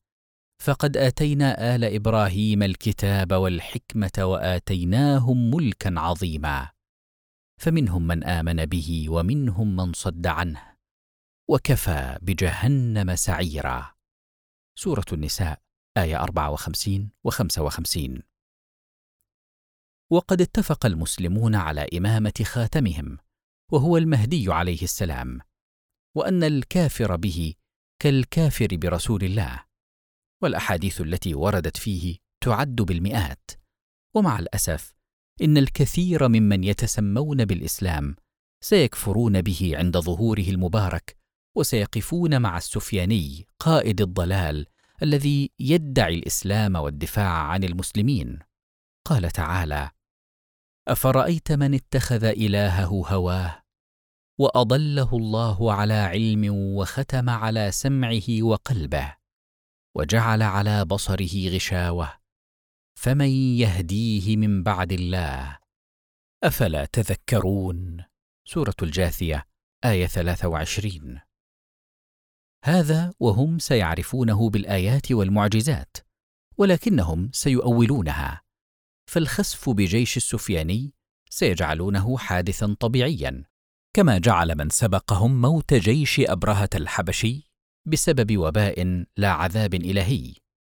والدلالات على إمامة أول الأئمة وهو علي عليه السلام أكثر من أن تحصى. ومنها قول النبي صلى الله عليه وآله وسلم فيه أقضاكم علي عليه السلام. ورد في الحاشية شرح نهج البلاغة لابن أبي الحديد الجزء الأول صفحة 18 أحكام القرآن لابن عربي الجزء الرابع صفحة 43 تفسير القرطبي الجزء الخامس عشر صفحة 162 المستصفى للغزالي صفحة 170 تاريخ دمشق الجزء الواحد والخمسين صفحة 300 انتهت الحاشية. وسلموا عليه بإمرة المؤمنين. ورد في الحاشية الاقتصاد للطوسي صفحة 203 النكت الاعتقادية للمفيد صفحة 41 اليقين لابن طاووس صفحة 312 بحار الأنوار الجزء السابع والثلاثين صفحة 111 انتهت الحاشية. وأنت الخليفة من بعدي. ورد في الحاشية الرسائل العشر للطوسي. صفحة 97 وروى الحاكم الحسكاني في شواهد التنزيل عن أنس قال انقض كوكب على عهد رسول الله. فقال النبي صلى الله عليه وآله وسلم انظروا إلى هذا الكوكب فمن انقض في داره فهو الخليفة من بعدي. فنظرنا فإذا هو انقض في منزل علي بن أبي طالب. فقال جماعة من الناس قد غوى محمد في حب علي فأنزل الله والنجم إذا هوى ما ضل صاحبكم وما غوى وما ينطق عن الهوى إن هو إلا وحي يوحى. شواهد التنزيل الجزء الثاني صفحة 276 انتهت الحاشية. وأنت ولي كل مؤمن ومؤمنة بعدي. ورد في الحاشية ينابيع المودة الجزء الأول صفحة 112 الرسائل العشر للطوسي صفحة 97 وقد روي باختلاف يسير في كثير من المصادر فراجع. انتهت الحاشية. وأنت مني بمنزلة هارون من موسى. ورد في الحاشية مسند أحمد الجزء الأول صفحة 179 والجزء السادس صفحة 396 صحيح مسلم الجزء السابع صفحة 120 ورواه البخاري باختلاف يسير. الجزء الرابع صفحة 208 انتهت الحاشية. وهارون كان خليفة موسى في حياته. ونفسه كنفس النبي في القرآن في آية المباهلة. قال تعالى فمن حاجك فيه من بعد ما جاءك من العلم فقل تعالوا ندع أبناءنا وأبناءكم ونساءنا ونساءكم وأنفسنا وأنفسكم ثم نبتهل فنجعل لعنة الله على الكاذبين. سورة آل عمران آية 61 وأجمع المفسرون أن النبي أخرج عليا وفاطمة والحسنين. وفاطمة عليها السلام هي النساء لأنها سيدة نساء الأولين والآخرين. قال تعالى في إبراهيم إنه أمة مع أنه شخص واحد. ورد في الحاشية يشير عليه السلام إلى قوله تعالى إن إبراهيم كان أمة قانتا لله حنيفا ولم يك من المشركين. سورة النحل آية 120 انتهت الحاشية. والحسنان هم الأبناء وهذا لا اختلاف فيه. وعلي هو نفس النبي صلى الله عليه وآله وسلم. ورد في الحاشية أكتفي بما نقله الفخر الرازي. قال روي أنه عليه السلام لما أورد الدلائل على نصارى نجران ثم إنهم أصروا على جهلهم. فقال عليه السلام ان الله امرني ان لم تقبلوا الحجه ان اباهلكم فقالوا يا ابا القاسم بل نرجع فننظر في امرنا. ثم ناتيك. فلما رجعوا قالوا للعاقب وكان ذا رايهم يا عبد المسيح ما ترى؟ فقال والله لقد عرفتم يا معشر النصارى أن محمدا نبي مرسل. ولقد جاءكم بالكلام الحق في أمر صاحبكم. والله ما باهل قوم نبيا قط فعاش كبيرهم ولا نبت صغيرهم. ولئن فعلتم لكان الاستئصال فإن أبيتم إلا الإصرار على دينكم والإقامة على ما أنتم عليه فوادعوا الرجل وانصرفوا إلى بلادكم. وكان رسول الله صلى الله عليه وآله وسلم خرج وعليه مرط من شعر أسود وكان قد احتضن الحسين وأخذ بيد الحسن وفاطمة تمشي خلفه وعلي رضي الله عنه خلفها وهو يقول إذا دعوت فأمنوا فقال أسقف نجران يا معشر النصارى إني لأرى وجوها لو سألوا الله أن يزيل جبلا من مكانه لأزاله بها فلا تباهلوا فتهلكوا ولا يبقى على وجه الأرض نصراني إلى يوم القيامة. ثم قالوا يا أبا القاسم رأينا ألا نباهلك وأن نقرك على دينك. فقال صلوات الله عليه فإذا أبيتم المباهلة فأسلموا يكن لكم ما للمسلمين وعليكم ما على المسلمين. فأبوا فقال فإني أناجزكم القتال. فقالوا ما لنا بحرب العرب طاقة ولكن نصالحك على الا تغزونا ولا تردنا عن ديننا على أن نؤدي إليك في كل عام ألفي حلة الفا في صفر والفا في رجب وثلاثين درعا عادية من حديد فصالحهم على ذلك وقال والذي نفسي بيده إن الهلاك قد تدلى على أهل نجران ولو لاعنوا لمسخوا قردة وخنازير ولاضطرم عليهم الوادي نارا ولاستاصل الله نجران وأهله حتى الطير على رؤوس الشجر ولما حال الحول على النصارى كلهم حتى يهلكوا. تفسير الرازي الجزء الثامن صفحة 85 انتهت الحاشية. أما الادعاء بأن النفس في الآية قصد بها نفس النبي صلى الله عليه وآله وسلم. فهذا اتباع هوى. وجعل كلام الله سبحانه لغوا. حاشا الله سبحانه وتعالى علوا كبيرا عن اللغو. إذ لا معنى لأن يدعو الإنسان نفسه وهي حاضرة عنده. وقال تعالى إنما وليكم الله ورسوله والذين آمنوا الذين يقيمون الصلاة ويؤتون الزكاة وهم راكعون. سورة المائدة آية 55 وأجمع أكثر المفسرين على نزولها في علي عليه السلام عندما تصدق بخاتمه وهو راكع. ورد في الحاشية قد صرح كبار علماء العامة بأنها نزلت في علي عليه السلام. واكتفي بما ذكره الحاكم الحسكاني والفخر الرازي فروي عن أبي ذر الغفاري أنه قال أما إني صليت مع رسول الله صلى الله عليه وآله وسلم يوما من الأيام صلاة الظهر فسأل سائل في المسجد فلم يعطه أحد فرفع السائل يده إلى السماء وقال اللهم اشهد أني سألت في مسجد رسول الله فلم يعطني أحد شيئا. وكان علي راكعا فأومى إليه بخنصره اليمنى وكان يتختم فيها. فأقبل السائل حتى أخذ الخاتم من خنصره.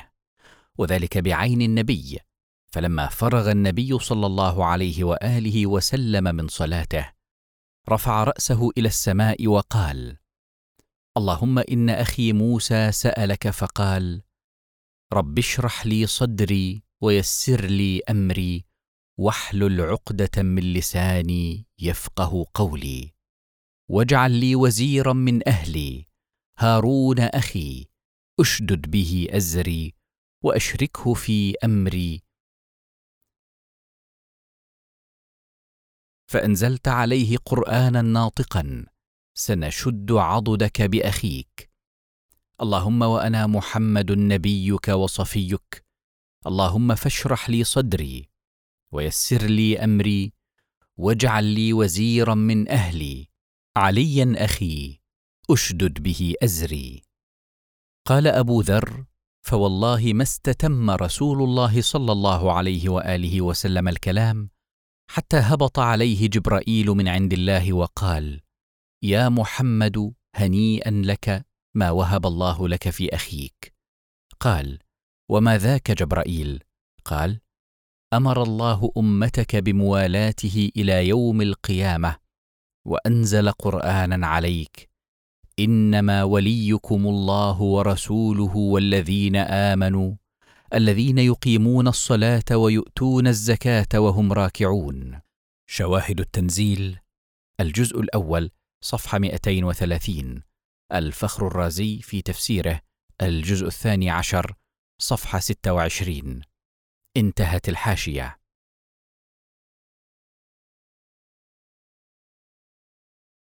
والجمع لإدخال ولده الأحد عشر من بعده فأصبح عليه السلام وولده الأحد عشر عليهم السلام وهم ولد النبي من فاطمة عليها السلام من بعده أولى بالتصرف بالمؤمنين بعد رسول الله صلى الله عليه وآله وسلم حيث ولايتهم مشتقة من ولاية رسول الله صلى الله عليه وآله وسلم وولايته مشتقة من الولاية الإلهية. ولما قرنت في هذه الآية بولاية الله فلا معنى لصرفها لغير ولاية الملك والتصرف وتدبير الأمور الدينية والدنيوية. وقال تعالى يا أيها الذين آمنوا أطيعوا الله وأطيعوا الرسول وأولي الأمر منكم. سورة النساء آية 59 وأولي الأمر هنا هم الأئمة المعصومون عليهم السلام الاثنى عشر بعد النبي صلى الله عليه وآله وسلم. ولو كان غيرهم لكان الأمر بالطاعة لمن يعصي أو من يخطئ طاعة مطلقة لأنها قرنت بطاعة الله سبحانه وهذا غير صحيح لأن معناه إن الله يأمرنا بإطاعة أعدائه. وعلى أقل تقدير فإن معناه الأمر بمعصية الله والعياذ بالله. فتبين أن المأمور بإطاعته بعد النبي صلى الله عليه وآله وسلم هم علي وولده المعصومون عليهم السلام وعصمتهم من الذنوب قد نص عليها القرآن. قال تعالى إنما يريد الله ليذهب عنكم الرجس أهل البيت ويطهركم تطهيرا. سورة الأحزاب آية 33 ونص النبي صلى الله عليه وآله وسلم على إنهم علي وفاطمة والحسنان عليهم السلام كما ورد في تفسير كثير من المفسرين. ورد في الحاشية روى أحمد في مسنده عن شداد أبي عمار قال دخلت على وائلة بن الأسقع وعنده قوم فذكروا عليا فلما قاموا قال لي ألا أخبرك بما رأيت من رسول الله صلى الله عليه وآله وسلم؟ قلت بلى. قال أتيت فاطمة رضي الله تعالى عنها أسألها عن علي. قالت توجه إلى رسول الله صلى الله عليه وآله وسلم. فجلست أنتظره حتى جاء رسول الله صلى الله عليه وآله وسلم ومعه علي وحسن وحسين رضي الله تعالى عنهم. آخذ كل واحد منهما بيده حتى دخل. فأدنى عليا وفاطمة فأجلسهما بين يديه وأجلس حسنا وحسينا كل واحد منهما على فخذه ثم لف عليهم ثوبه أو قال كساء ثم تلا هذه الآية إنما يريد الله ليذهب عنكم الرجس أهل البيت ويطهركم تطهيرا. وقال اللهم هؤلاء أهل بيتي وأهل بيتي. مسند أحمد الجزء الرابع صفحة 107 وروى مسلم في صحيحه فقال قالت عائشة خرج النبي صلى الله عليه وآله وسلم غداة وعليه مرط مرحل من شعر أسود. فجاء الحسن بن علي فأدخله ثم جاء الحسين فدخل معه ثم جاءت فاطمة فأدخلها. ثم جاء علي فادخله ثم قال إنما يريد الله ليذهب عنكم الرجس أهل البيت ويطهركم تطهيرا. صحيح مسلم الجزء السابع صفحة 130 وروى الترمذي عن عمر بن أبي سلمة ربيب النبي صلى الله عليه وآله وسلم قال لما نزلت هذه الآية على النبي صلى الله عليه وآله وسلم إنما يريد الله ليذهب عنكم الرجس أهل البيت ويطهركم تطهيرا. في بيت أم سلمة فدعا فاطمة وحسنا وحسينا فجللهم بكساء وعلي خلف ظهره فجلله بكساء ثم قال اللهم هؤلاء أهل بيتي فأذهب عنهم الرجس وطهرهم تطهيرا. قالت أم سلمة وأنا معهم يا نبي الله. قال أنت على مكانك وأنت على خير. سنن الترمذي الجزء الخامس صفحة ثلاثين. وقال الفخر الرازي وروي أنه عليه السلام لما خرج في المرط الأسود فجاء الحسن رضي الله عنه فأدخله. ثم جاء الحسين رضي الله عنه فأدخله. ثم فاطمة. ثم علي رضي الله عنهما. ثم قال إنما يريد الله ليذهب عنكم الرجس أهل البيت ويطهركم تطهيرا.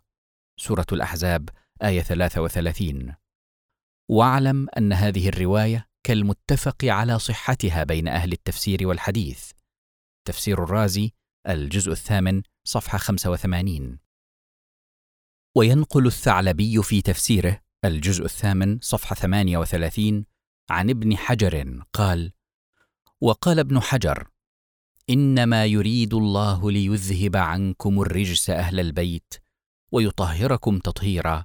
أكثر المفسرين على أنها نزلت في علي وفاطمة والحسن والحسين.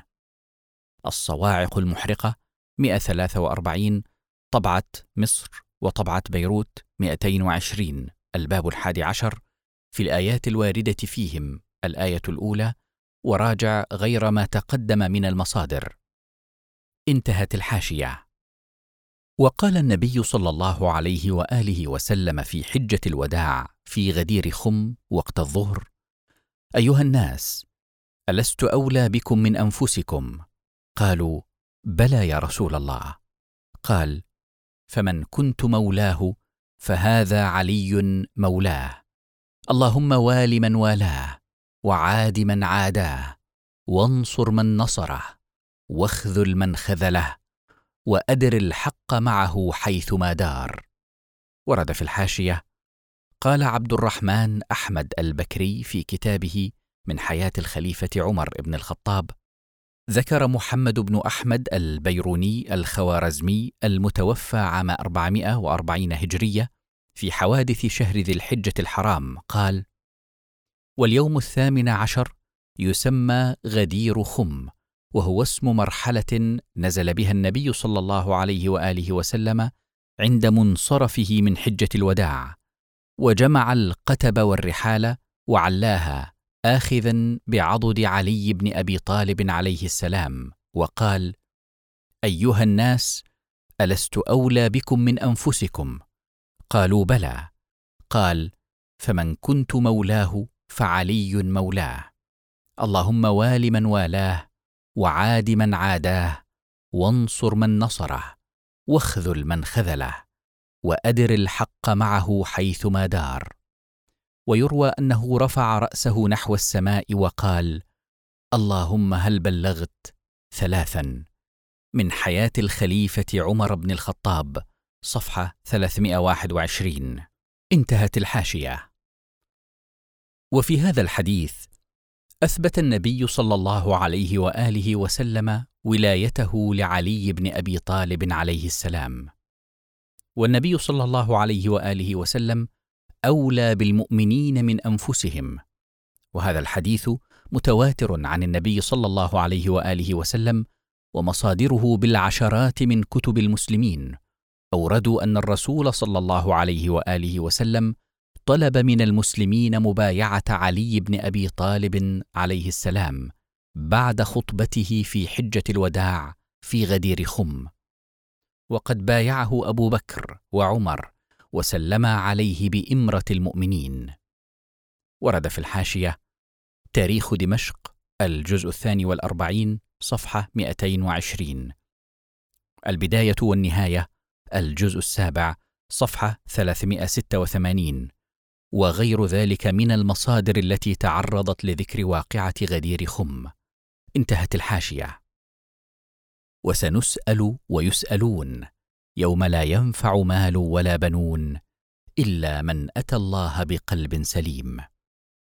أما الأئمة من ولد علي عليهم السلام فقد نص عليهم النبي صلى الله عليه وآله وسلم كما روي عن جابر بن عبد الله الأنصاري رضي الله عنه قال لما قال الله تعالى يا أيها الذين آمنوا أطيعوا الله وأطيعوا الرسول وأولي الأمر منكم فإن تنازعتم في شيء فردوه إلى الله والرسول. إن كنتم تؤمنون بالله واليوم الآخر ذلك خير وأحسن تأويلا. سورة النساء آية 59 قلت يا رسول الله صلى الله عليه وآله وسلم عرفنا الله فاطعناه وعرفناك فأطعناك فمن أولي الأمر الذين أمرنا الله بطاعتهم؟ قال هم خلفائي يا جابر وأولياء الأمر بعدي أولهم أخي علي عليه السلام ثم من بعده الحسن عليه السلام ولده ثم الحسين عليه السلام ثم علي بن الحسين عليهما السلام ثم محمد بن علي عليهما السلام وستدركه يا جابر فإذا أدركته فأقرئه مني السلام. ثم جعفر بن محمد عليهما السلام ثم موسى بن جعفر عليهما السلام ثم علي بن موسى الرضا عليهما السلام ثم محمد بن علي عليهما السلام ثم علي بن محمد عليهما السلام ثم الحسن بن علي عليهما السلام ثم محمد بن الحسن عليهما السلام يملأ الأرض قسطا وعدلا كما ملئت جورا وظلما. ورد في الحاشية النافع يوم الحشر في شرح الباب الحادي عشر صفحة 115 وروي هذا المعنى باختلاف يسير في كمال الدين صفحة 285 كفاية الأثر 45 الاحتجاج الجزء الأول صفحة 87 وغيرها.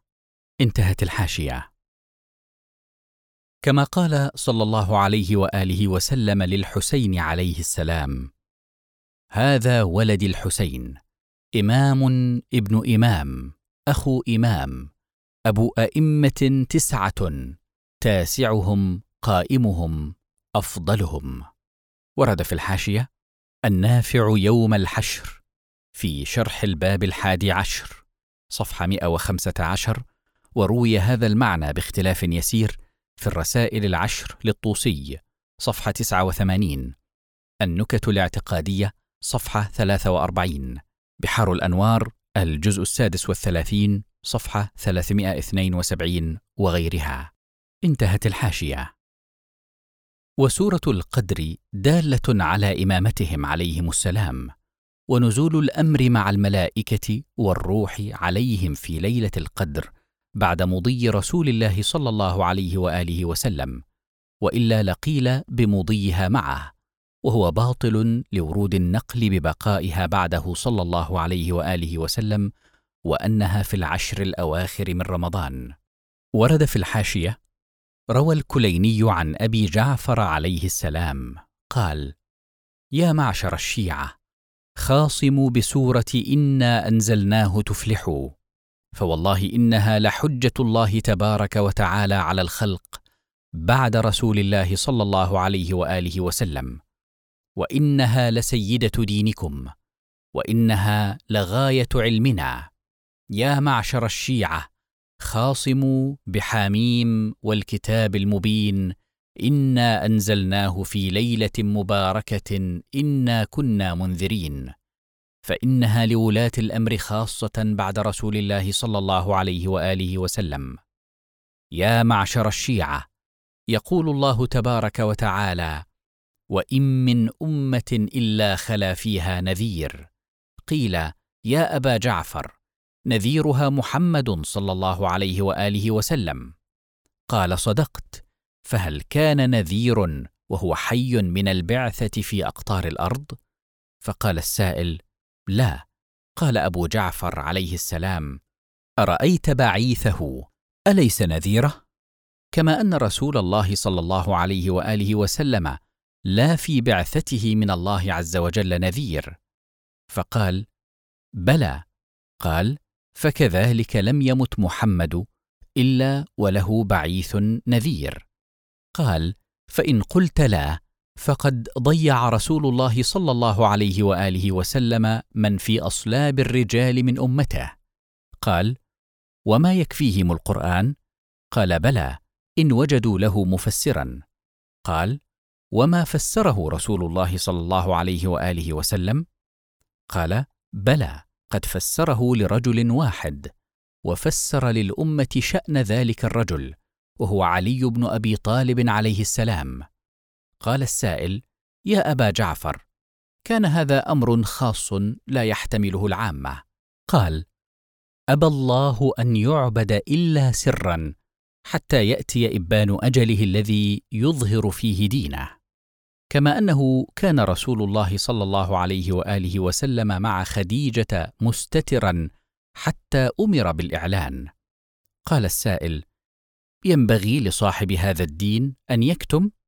قال أوما كتم علي بن أبي طالب عليه السلام يوم أسلم مع رسول الله صلى الله عليه وآله وسلم حتى ظهر أمره؟ قال بلى.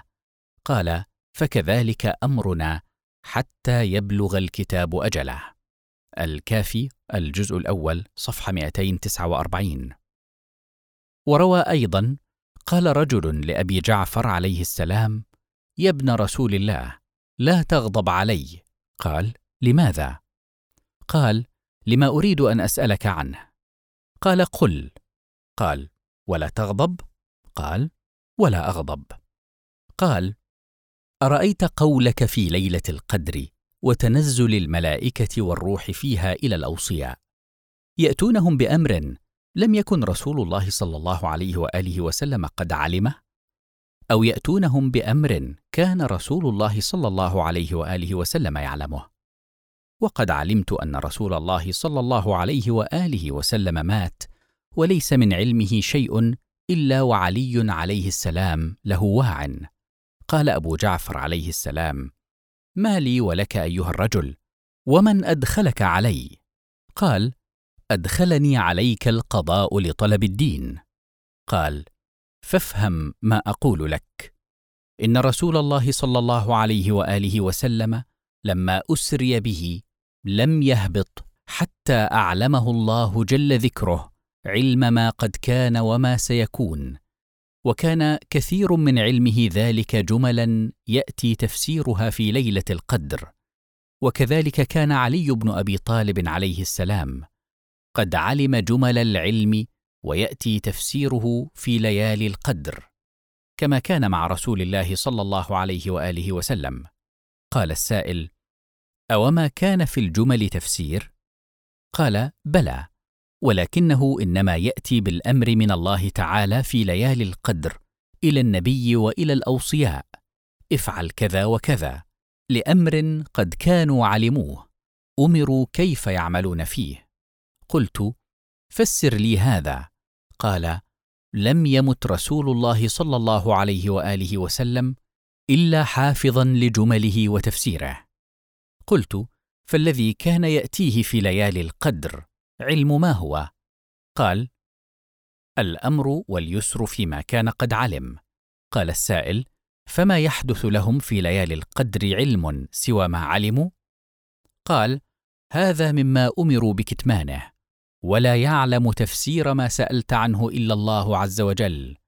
قال السائل فهل يعلم الأوصياء ما لا يعلم الأنبياء؟ قال لا. وكيف يعلم وصي غير علم ما أوصي إليه؟ قال السائل فهل يسعنا أن نقول إن أحدا من الوصاه يعلم ما لا يعلم الآخر؟ قال لا لم يمت نبي إلا وعلمه في جوف وصية وإنما تتنزل الملائكة والروح في ليلة القدر بالحكم الذي يحكم به بين العباد. قال السائل وما كانوا علموا ذلك الحكم؟ قال بلى قد علموه ولكنهم لا يستطيعون إمضاء شيء منه حتى يؤمروا في ليالي القدر كيف يصنعون إلى السنة المقبلة. قال السائل يا أبا جعفر لا أستطيع إنكار هذا. قال أبو جعفر عليه السلام من أنكره فليس منا.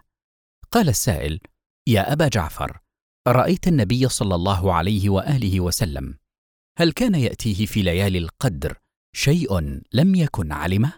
قال لا يحل لك أن تسأل عن هذا. أما علم ما كان وما سيكون فليس يموت نبي ولا وصي إلا والوصي الذي بعده يعلمه. أما هذا العلم الذي تسأل عنه فإن الله عز وجل أبى أن يطلع الأوصياء عليه إلا أنفسهم. قال السائل يا ابن رسول الله كيف أعرف أن ليلة القدر تكون في كل سنة؟ قال إذا أتى شهر رمضان فاقرأ سورة الدخان في كل ليلة مائه مرة فإذا أتت ليلة ثلاث وعشرين فإنك ناظر إلى تصديق الذي سألت عنه. الكافي الجزء الأول صفحة 251 وراجع بقية الروايات في الكافي في باب شأن ليلة القدر الجزء الأول صفحة 242 انتهت الحاشية. هذا والدلائل على إمامة علي وولده عليهم السلام الاثني عشر المعصومين بعد النبي صلى الله عليه وآله وسلم كثيرة وما ذكرته اليسير وأعتذر إلى الله ورسوله والأئمة عليهم السلام والمؤمنين من التقصير. فلم يبق عذر لمن انحرف عنهم واتبع من اغتصب حقهم وهو يعلم أن الأمر لهم وليس له من الأمر شيء. قال أمير المؤمنين عليه السلام أما والله لقد تقمصها فلان يعني أبا بكر وإنه ليعلم أن محلي منها محل القطب من الرحى ينحدر عني السيل ولا يرقى إلي الطير فسدلت دونها ثوبا وطويت عنها كشحا وطفقت أرتئي بين أن أصول بيد جذاء أو أصبر على طخية عمياء. يهرم فيها الكبير ويشيب فيها الصغير ويكدح فيها المؤمن حتى يلقى ربه.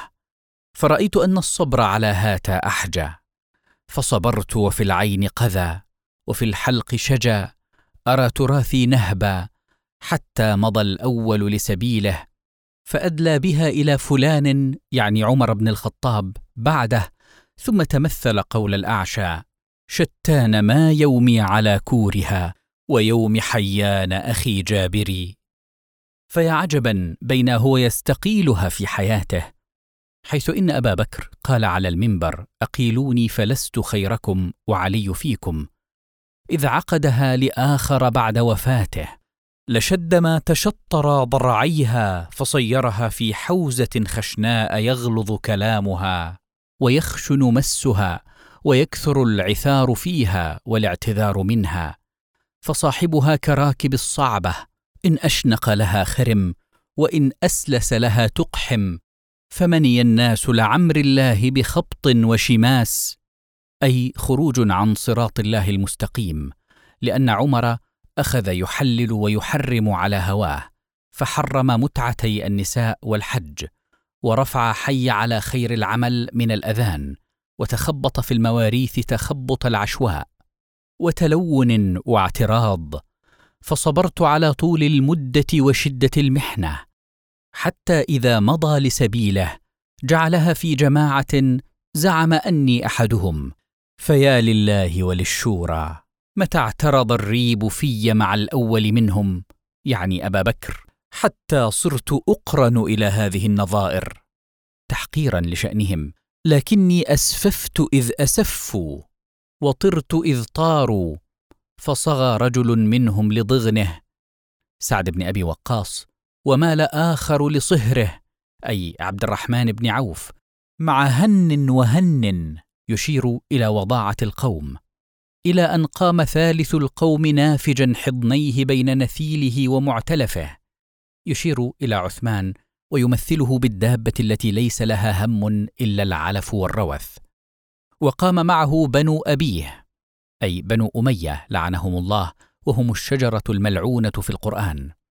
يخضمون مال الله خضمة الإبل نبتة الربيع إلى أن انتكث فتله وأجهز عليه عمله وكبت به بطنته أي قتلته بطنه المليئة بمال الله المغصوب. فما راعني إلا والناس كعرف الضبع إلي ينثالون علي من كل جانب حتى لقد وطئ الحسنان وشق عطفاي. مجتمعين حولي كربيضة الغنم فلما نهضت بالأمر نكثت طائفة ومرقت أخرى وقسط آخرون كأنهم لم يسمعوا كلام الله حيث يقول تلك الدار الآخرة نجعلها للذين لا يريدون علوا في الأرض ولا فسادا. والعاقبة للمتقين. سورة القصص آية 83 بلى والله لقد سمعوها ووعوها ولكنهم حليت الدنيا في أعينهم وراقهم زبرجها. أما والذي فلق الحبة وبرأ النسمة. لولا حضور الحاضر وقيام الحجة بوجود الناصر وما أخذ الله على العلماء ألا يقاروا على كضة ظالم ولا سغب مظلوم لألقيت حبلها على غاربها ولسقيت آخرها بكاس أولها ولألفيتم دنياكم هذه أزهد عندي من عفطة عتر. المصدر نهج البلاغة بشرح محمد عبده الجزء الأول صفحة 30 الخطبة الشقشقية. وقال عليه السلام يا أيها الناس اسمعوا قولي واعقلوه عني فإن الفراق قريب أنا إمام البرية ووصي خير الخليقة وزوج سيدة نساء الأمة وأبو العترة الطاهرة والأئمة الهادية أنا أخو رسول الله صلى الله عليه وآله وسلم ووصيه ووليه ووزيره وصاحبه وصفيه وحبيبه وخليله. أنا أمير المؤمنين وقائد الغر المحجلين وسيد الوصيين حربي حرب الله وسلمي سلم الله وطاعتي طاعة الله وولايتي ولاية الله وشيعتي أولياء الله وأنصاري أنصار الله. والله الذي خلقني ولم أك شيئا. لقد علم المستحفظون من أصحاب محمد صلى الله عليه وآله وسلم أن الناكثين والقاسطين والمارقين ملعونين على لسان النبي الأمي وقد خاب من افترى.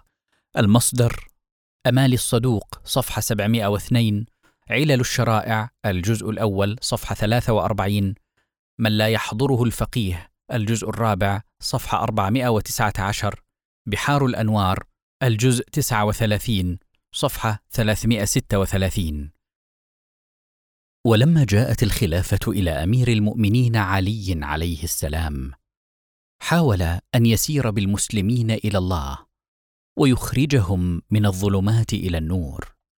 وينشر العدل بعد انتشار الظلم على يد ولاة عثمان.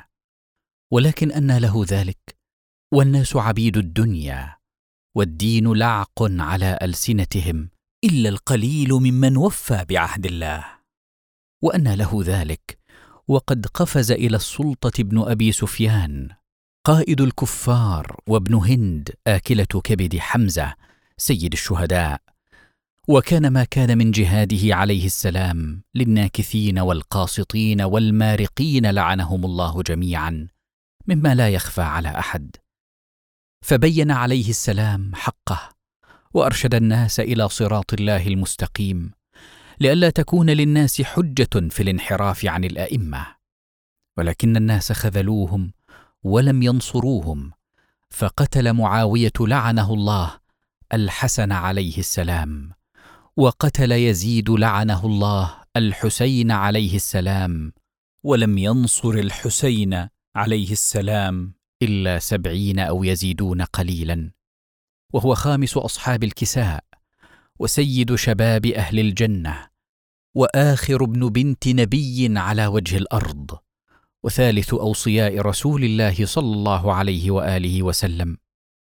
ولك أن تعرف إلى أي حال من الخضوع والاستسلام للطاغوت وصل المسلمون في عهد الحسين عليه السلام. أدى به إلى أن يضحي بذرية رسول الله صلى الله عليه وآله وسلم وبنفسه المقدسة لينبه المسلمين انهم ابتعدوا عن الدين وخرجوا من ولاية الله إلى ولاية الطاغوت والشيطان بالخضوع ليزيد وأمثاله. لعنهم الله. وهكذا واصل أوصياء رسول الله صلى الله عليه وآله وسلم بعد الحسين عليه السلام طريق الجهاد في سبيل الله ودعوة الناس للعودة إلى الدين الإسلامي الأصيل الذي جاء به محمد صلى الله عليه وآله وسلم لا الذي يريده الطواغيت الذين تسلطوا على هذه الأمة.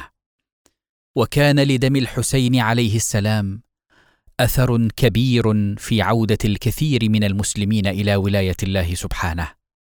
وبدأت منذ ذلك الوقت تتشكل قاعدة إسلامية شعبية يقودها آل محمد عليهم السلام تمثل الإسلام الحقيقي المحمدي الأصيل واستمروا عليهم السلام في الدعوة إلى الله واستمر الطواغيت في الدعوة إلى الشيطان ووجدوا من يعاونهم ممن طلبوا الدنيا بالدين. وأوذي أوصياء النبي صلى الله عليه وآله وسلم غاية الأذى. وقتل شيعتهم وفعل بهم طواغيت هذه الأمة كما فعل فرعون بالمؤمنين من بني إسرائيل. وقطعت الأيدي والأرجل وصلب المؤمنون على جذوع النخل. ولكن للحق أهلا وكلما ألحوا على المؤمنين بالأذى تشيع الناس بالآلاف. ولما وصلت الإمامة إلى خاتم أوصياء آل محمد عليهم السلام شاء الله سبحانه أن يحفظه فيغيبه عن عيون الطواغيت لئلا يقتلوه كما قتلوا آباءه عليهم السلام. وظل يقود الأمة الإسلامية لمدة تزيد على سبعين عاما. من خلال أشخاص من خلص المؤمنين كانوا يتصلون به بشكل مباشر وينقلون كتب المسلمين إليه وأجوبته على المسائل وتوجيهاته عليه السلام. ولما انقضت هذه المدة شاء الله أن يغيبه الغيبة الطويلة حتى يأذن الله له بالقيام عندما يتهيأ جيل من هذه الأمة لنصرته ونصرة دين الله ليظهر على الدين كله. وقد ورد عنه عليه السلام وعن آبائه بعض الروايات التي يستفاد منها أن قيادة الأمة الإسلامية دينيا ودنيويا هي لرواة حديثهم. وفسر البعض رواة الحديث الفقهاء العدول في زمن غيبته. هذا في حال عدم وجود نائب خاص عنه عليه السلام يرسل عنه وينقل أوامره للمؤمنين.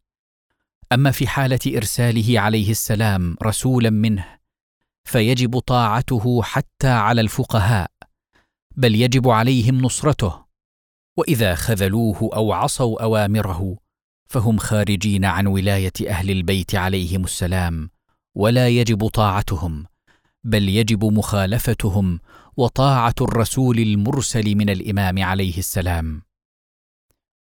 جاء في كتاب ذخيرة الصالحين للشيخ عبد الكريم الزنجاني رحمه الله صفحة سبعة وثمانية وتسعة وأما ولاية المجتهد الجامع لشرائط الإفتاء فهي فرع مشتق عن ولاية الإمام عليه السلام المشتقة عن ولاية النبي صلى الله عليه وآله وسلم المشتقة عن الولاية الإلهية والسلطة الربوبية وتوضيح ذلك أن من الواضح البديهي أن سلطان الخالق جلت قدرته على مخلوقاته أسمى أنواع السلطنة وأشد أنحاء الولاية. وقد اشتقت من هذه الولاية الإلهية والسلطنة الربوبية ولاية النبي صلى الله عليه وآله وسلم وهي المنوه بها في قوله تعالى النبي أولى بالمؤمنين من أنفسهم سورة الأحزاب آية ستة. ثم اشتقت من هذه الولاية النبوية ولاية الإمام عليه السلام كما أشار إليه رسول الله صلى الله عليه وآله وسلم في حديث الغدير المروي بالطرق الصحيحة المتواترة في كتب الفريقين. فقد مهد رسول الله صلى الله عليه وآله وسلم لولاية الإمام بقوله ألست أولى بكم من أنفسكم؟ قالوا بلى.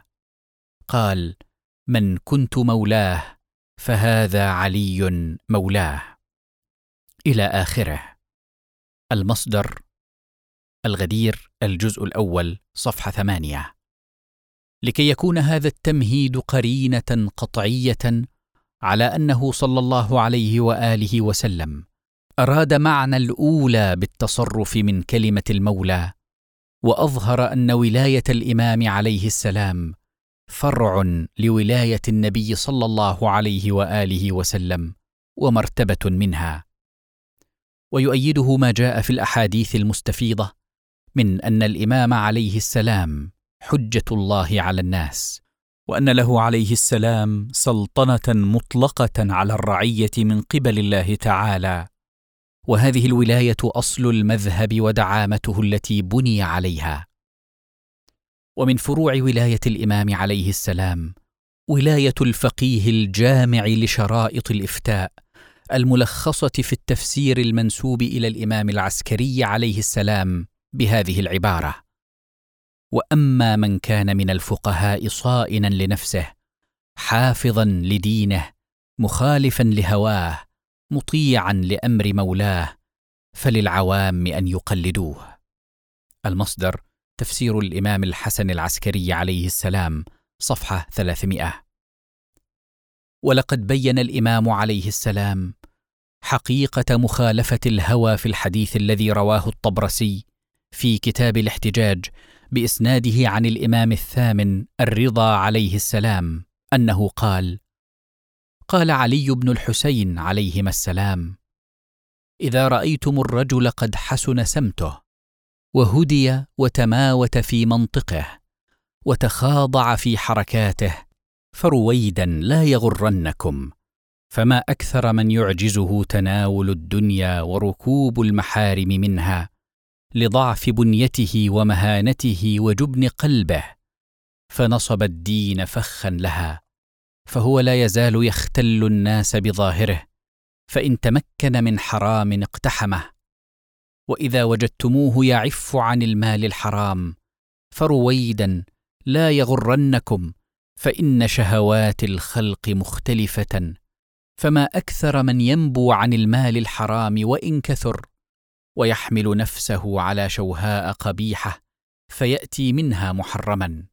فإذا وجدتموه يعفو عن ذلك لا يغرنكم حتى تنظروا ما عقدة عقله فما أكثر من ترك ذلك أجمع ثم لا يرجع إلى عقل متين فيكون ما يفسده بجهله أكثر مما يصلحه بعقله وجهده. فإذا وجدتم عقله متينا فرويدا لا يغرنكم حتى تنظروا أمع هواه يكون عقله؟ أو يكون مع عقله هواه؟ وكيف محبته للرئاسات الباطلة وزهده فيها؟ فإن في الناس من خسر الدنيا والآخرة. بترك الدنيا للدنيا ويرى أن لذة الرئاسة الباطلة أفضل من لذة الأموال والنعم المباحة المحللة. فيترك ذلك أجمع طلبا للرئاسة الباطلة. حتى إذا قيل له اتق الله أخذته العزة بالإثم فحسبه جهنم ولبئس المهاد. وهو يخبط خبط عشواء يقوده أول باطله إلى أبعد الخسارة ويمده ربه بعد طلبه لما يقدر عليه في طغيانه.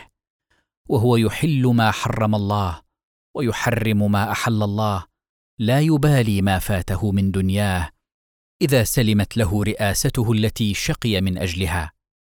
فأولئك الذين غضب الله عليهم ولعنهم وأعد لهم عذابا مهينا. ولكن الرجل نعم الرجل هو الذي جعل هواه تبعا لأمر الله وقواه مبذولة في رضا الله. يرى الذل مع الحق أقرب إلى عز الأبد من العز في الباطل ويعلم أن قليل ما يحتمله من رضاها ويؤيده إلى دوام النعيم في دار لا تبيد ولا تنفذ وإن كثير ما يلحقه من سرائها إن اتبع هواه يؤديه إلى عذاب لا انقطاع له ولا زوال. كذلك الرجل نعم الرجل فبه تمسكوا وبسنته فاقتدوا وإلى ربكم فارغبوا فبه فتوسلوا فإنه لا يرد له دعوة ولا يخيب له طلب إلى آخره. المصدر الاحتجاج الجزء الثاني صفحة 52 ثم إن عناصر ولاية المجتهد الجامع للشرائط مناصب ثلاثة. أحدها منصب الإفتاء فيما يحتاج إليه العامي في عمله ومورده المسائل الفرعية والموضوعات الاستنباطية من حيث ترتيب حكم شرعي عليها. والثاني منصب القضاء والحكم فيما يراه حقا في المرافعات وغيرها من القضايا المخصوصة. والثالث منصب ولاية التصرف في الأموال والأنفس وهي مرتبة من الولاية العامة قابلة للتفويض.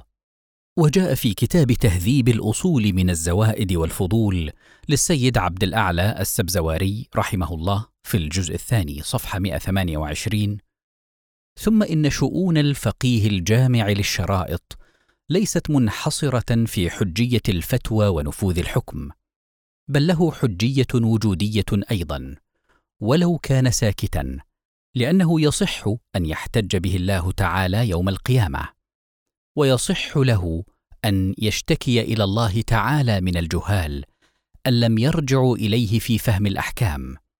وقد ورد في الحديث ثلاثة ليشكون إلى ربهم يوم القيامة عالم لا يسأل عنه الحديث كما أن له الولاية الانتظامية أي نظم دنيا البشر وسياساتهم نظما الهيا.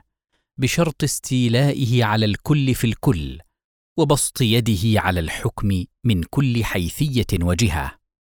اذا فواجب المسلمين في زمن الغيبة هي نصرة الدين بتمكين نائب الإمام الخاص المرسل منه عليه السلام أو الفقيه الجامع للشرائط العادل الزاهد في الدنيا في حال عدم وجود نائب خاص له عليه السلام من بسط يده على الحكم من كل حيثية وجهة.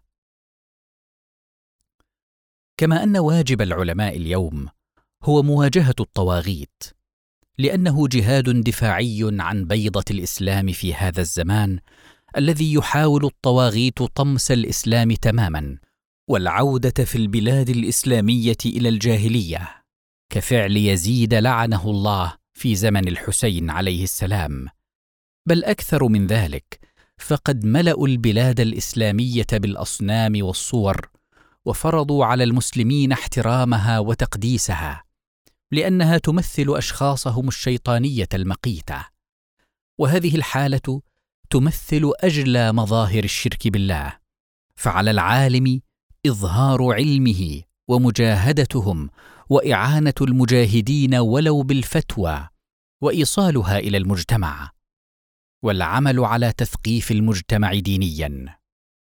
أما العلماء أو قل الجهلاء لأن العالم غير العامل جاهل في الحقيقة كما ورد عنهم عليهم السلام. ورد في الحاشية يقول أمير المؤمنين عليه السلام في إحدى خطبه وآخر قد تسمى عالما وليس به. فاقتبس جهائل من جهال وأضاليل من ضلال. ونصب للناس شركا من حبائل غرور وقول زور. قد حمل الكتاب على آرائه وعطف الحق على أهوائه. يؤمن من العظائم ويهون كبير الجرائم. يقول أقف عند الشبهات وفيها وقع وأعتزل البدع وبينها الطجع. فالصورة صورة إنسان والقلب قلب حيوان. لا يعرف باب الهدى فيتبعه ولا باب العمى فيصد عنه. فذلك ميت الأحياء فأين تذهبون؟ نهج البلاغة بشرح محمد عبده الجزء الأول صفحة 153 انتهت الحاشية. الذين يقبعون في دهاليز مظلمة ولا يكلفون أنفسهم حتى سماع أحوال المجتمع الإسلامي. أو النهوض بالدين الإسلامي نهوضا حقيقيا فاعلا في المجتمع أو تحريك ساكن. فلا يمتون لهذه الفرقة الناجية بصلة وسيجدون أنفسهم يوم القيامة في نفس هذه الدهاليز المظلمة مسودة وجوههم. قال رسول الله صلى الله عليه وآله وسلم ما معناه؟ إن شر الناس يوم القيامة عالم لم ينتفع بعلمه. ورد في الحاشية روي عن رسول الله صلى الله عليه وآله وسلم إن أشد الناس عذابا يوم القيامة من قتل نبيا أو قتل أحد والديه أو عالم لم ينتفع بعلمه. روضة الواعظين صفحة عشرة. العلم والحكمة في الكتاب والسنة صفحة 457 موسوعة العقائد الإسلامية الجزء الثاني صفحة 499 وقال صلى الله عليه وآله وسلم أيضا علماء هذه الأمة رجلان رجل آتاه الله علما فطلب به وجه الله والدار الآخرة وبذله للناس ولم يأخذ عليه طمعا ولم يشتر به ثمنا قليلا. فذلك يستغفر له من في البحور ودواب البر والبحر والطير في جو السماء ويقدم على الله سيدا شريفا ورجل آتاه الله علما فبخل به على عباد الله وأخذ عليه طمعا واشترى به ثمنا قليلا فذلك يلجم يوم القيامة بلجام من نار وينادي ملك من الملائكة على رؤوس الأشهاد هذا فلان ابن فلان أتاه الله علما في دار الدنيا فبخل به على عباده حتى يفرغ من الحساب. روضة الواعظين صفحة عشرة. انتهت الحاشية. مما سبق تبين أن للدين الإسلامي نظريته السياسية المتكاملة تشريعا وتنفيذا. وعلى المسلمين ألا يفرطوا بها لأنها أكمل نظرية سياسية عرفتها الإنسانية ولا توجد نظرية سياسية ترقى إلى مستواها لأن واضعها ومشرعها هو الله سبحانه وتعالى العليم الحكيم والذي يجب أن ينفذها هو النبي صلى الله عليه وآله وسلم. أو الإمام المعصوم عليه السلام من بعده أو الفقيه الرباني الجامع للشرائط العادل الزاهد في الدنيا في حال غيبة الإمام عليه السلام وعدم وجود نائب خاص عنه عليه السلام والحمد لله وحده.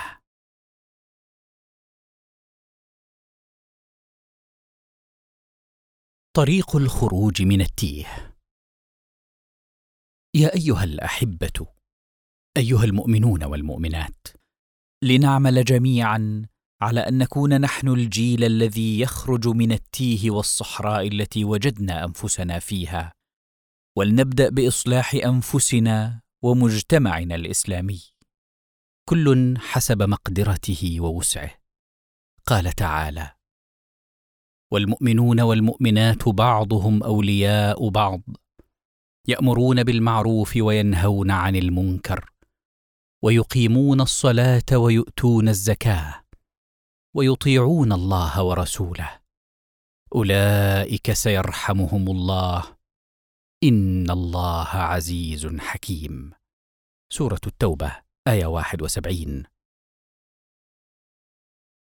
أيها الأحبة إن الابتعاد عن الدين الإسلامي والمنهج الرباني جعل على القلوب اقفالا ورينا وعلى البصائر حجبا لا تزال إلا بالإخلاص لله وبالاندفاع بقوة من ذل معصية الله إلى عز طاعة الله ومن ذل طاعة الطاغوت والخضوع له إلى عز طاعة الله والتسليم له ليبزغ النور في القلوب وتنجلي الظلمة عن البصائر. قال تعالى فذكر إن نفعت الذكرى.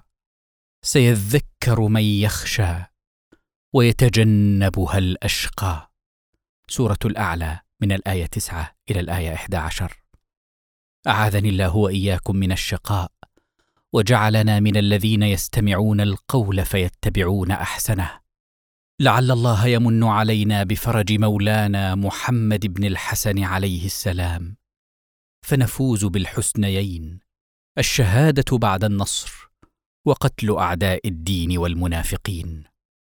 ذلك فضل الله يؤتيه من يشاء والله ذو الفضل العظيم. سورة الجمعة آية أربعة. إن في طريق الخروج من التيه الصلاة والزكاة والصوم والأمر بالمعروف والنهي عن المنكر والجهاد في سبيل الله والحب في الله والبغض في الله. وفي طريق الخروج من التيه الالتزام بالشريعة الإسلامية كلها والإخلاص لله والعمل له سبحانه. وفي طريق الخروج من التيه دماء تسيل وعرق ينضح. إن السير في طريق الخروج من التيه غير يسير ولكن عاقبته الخير. لأن في نهاية هذا الطريق رضا الله سبحانه ورضا رسوله صلى الله عليه وآله وسلم. وفي نهاية هذا الطريق إقامة دولة الحق والعدل الإلهي على الأرض وبسط كلمة الله أكبر على كل بقعة في الأرض. ولطريق الخروج من التيه آيات وعلامات واضحة يستدل بها السائرون إلى الله على صراطه المستقيم. ولا ينبئك عن هذه العلامات مثل خبير بهذا الطريق. وهو الله سبحانه. ومثل العلماء. وهم محمد وآل محمد عليهم السلام. وأنا في هذا البحث أتطرق لبعض آيات الكتاب العزيز. وبعض أحاديث محمد وآله عليهم السلام. وحالاتهم لعل الله ينفع بها من ألقى السمع وهو شهيد. وأهم العلامات في هذا الطريق الصلاة وهي عمود الدين ومعراج المؤمن وشرفه. إذا قبلت قبل ما سواها وإن ردت رد ما سواها. وبها تطهر الأرواح من الرجس كما تطهر الأبدان من الخبث بالماء. وعن رسول الله صلى الله عليه وآله وسلم. إن الله تعالى ذكره أقسم بعزته ألا يعذب المصلين والساجدين وألا يروعهم بالنار يوم يقوم الناس لرب العالمين. المصدر أمال الصدوق صفحة 154 عيون أخبار الرضا عليه السلام الجزء الثاني صفحة 266 بحار الأنوار الجزء الثالث والتسعين صفحة 357 فإذا حضر وقتها فلا تؤخرها فإن التأخير أول السهو عنها وهو يجر إلى الاستخفاف بها. قال رسول الله صلى الله عليه وآله وسلم من حبس نفسه في صلاة فريضة فأتم ركوعها وسجودها وخشوعها ثم مجد الله وعظمه وحمده. حتى يدخل وقت صلاة فريضة أخرى. لم يقطع بينهما. كتب الله له كأجر الحاج المعتمر وكان من أهل عليين.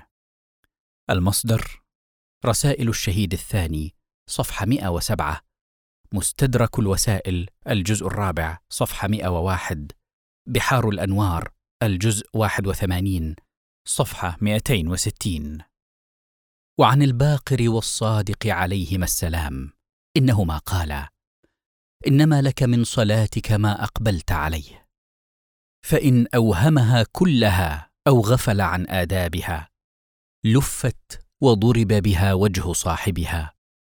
المصدر الكافي الجزء الثالث صفحة 363 التهذيب الجزء الثاني صفحة 342 بحار الأنوار الجزء 81 صفحة 260 وتفكر في عظمة الله وأنت واقف بين يديه.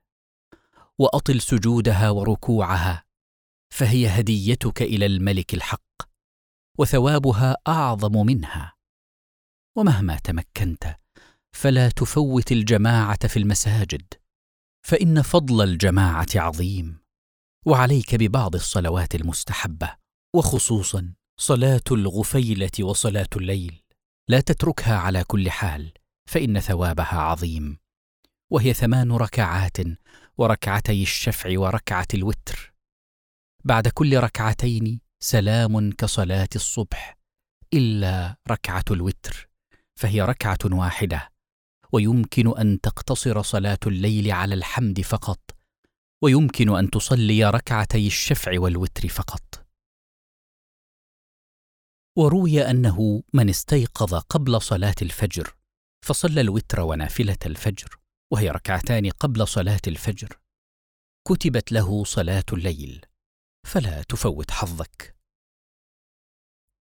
ورد في الحاشية روى معاوية بن وهب عن الصادق عليه السلام أنه سمعه يقول أما يرضى أحدكم أن يقوم قبل الصبح ويوتر ويصلي ركعتي الفجر فتكتب له صلاة الليل؟ تهذيب الأحكام الجزء الثاني صفحة 341 وسائل الشيعة آل البيت الجزء الرابع صفحة 258 انتهت الحاشية. عن أبي عبد الله عليه السلام. جاء رجل إلى النبي صلى الله عليه وآله وسلم فقال: يا رسول الله، يسأل الله عما سوى الفريضة؟ فقال: لا. قال: فوالذي بعثك بالحق لا تقربت إلى الله بشيء سواها. قال: ولم قال لأن الله قبح خلقتي قال فأمسك النبي صلى الله عليه وآله وسلم ونزل جبرائيل عليه السلام فقال يا محمد ربك يقرئك السلام ويقول أقرئ عبدي فلانا السلام وقل له أما ترضى أن أبعثك غدا في الآمنين؟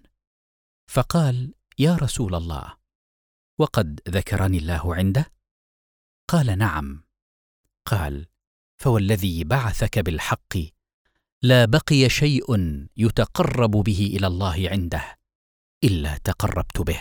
المصدر علل الشرائع صفحة 463 بحار الأنوار الجزء الخامس صفحة 280 ومن منا لم يذنب؟ ومن منا لا يريد أن يأتي آمنا يوم القيامة؟ والدعاء قال تعالى قل ما يعبأ بكم ربي لولا دعاؤكم. سورة الفرقان آية 77 وقال تعالى وقال ربكم ادعوني أستجب لكم.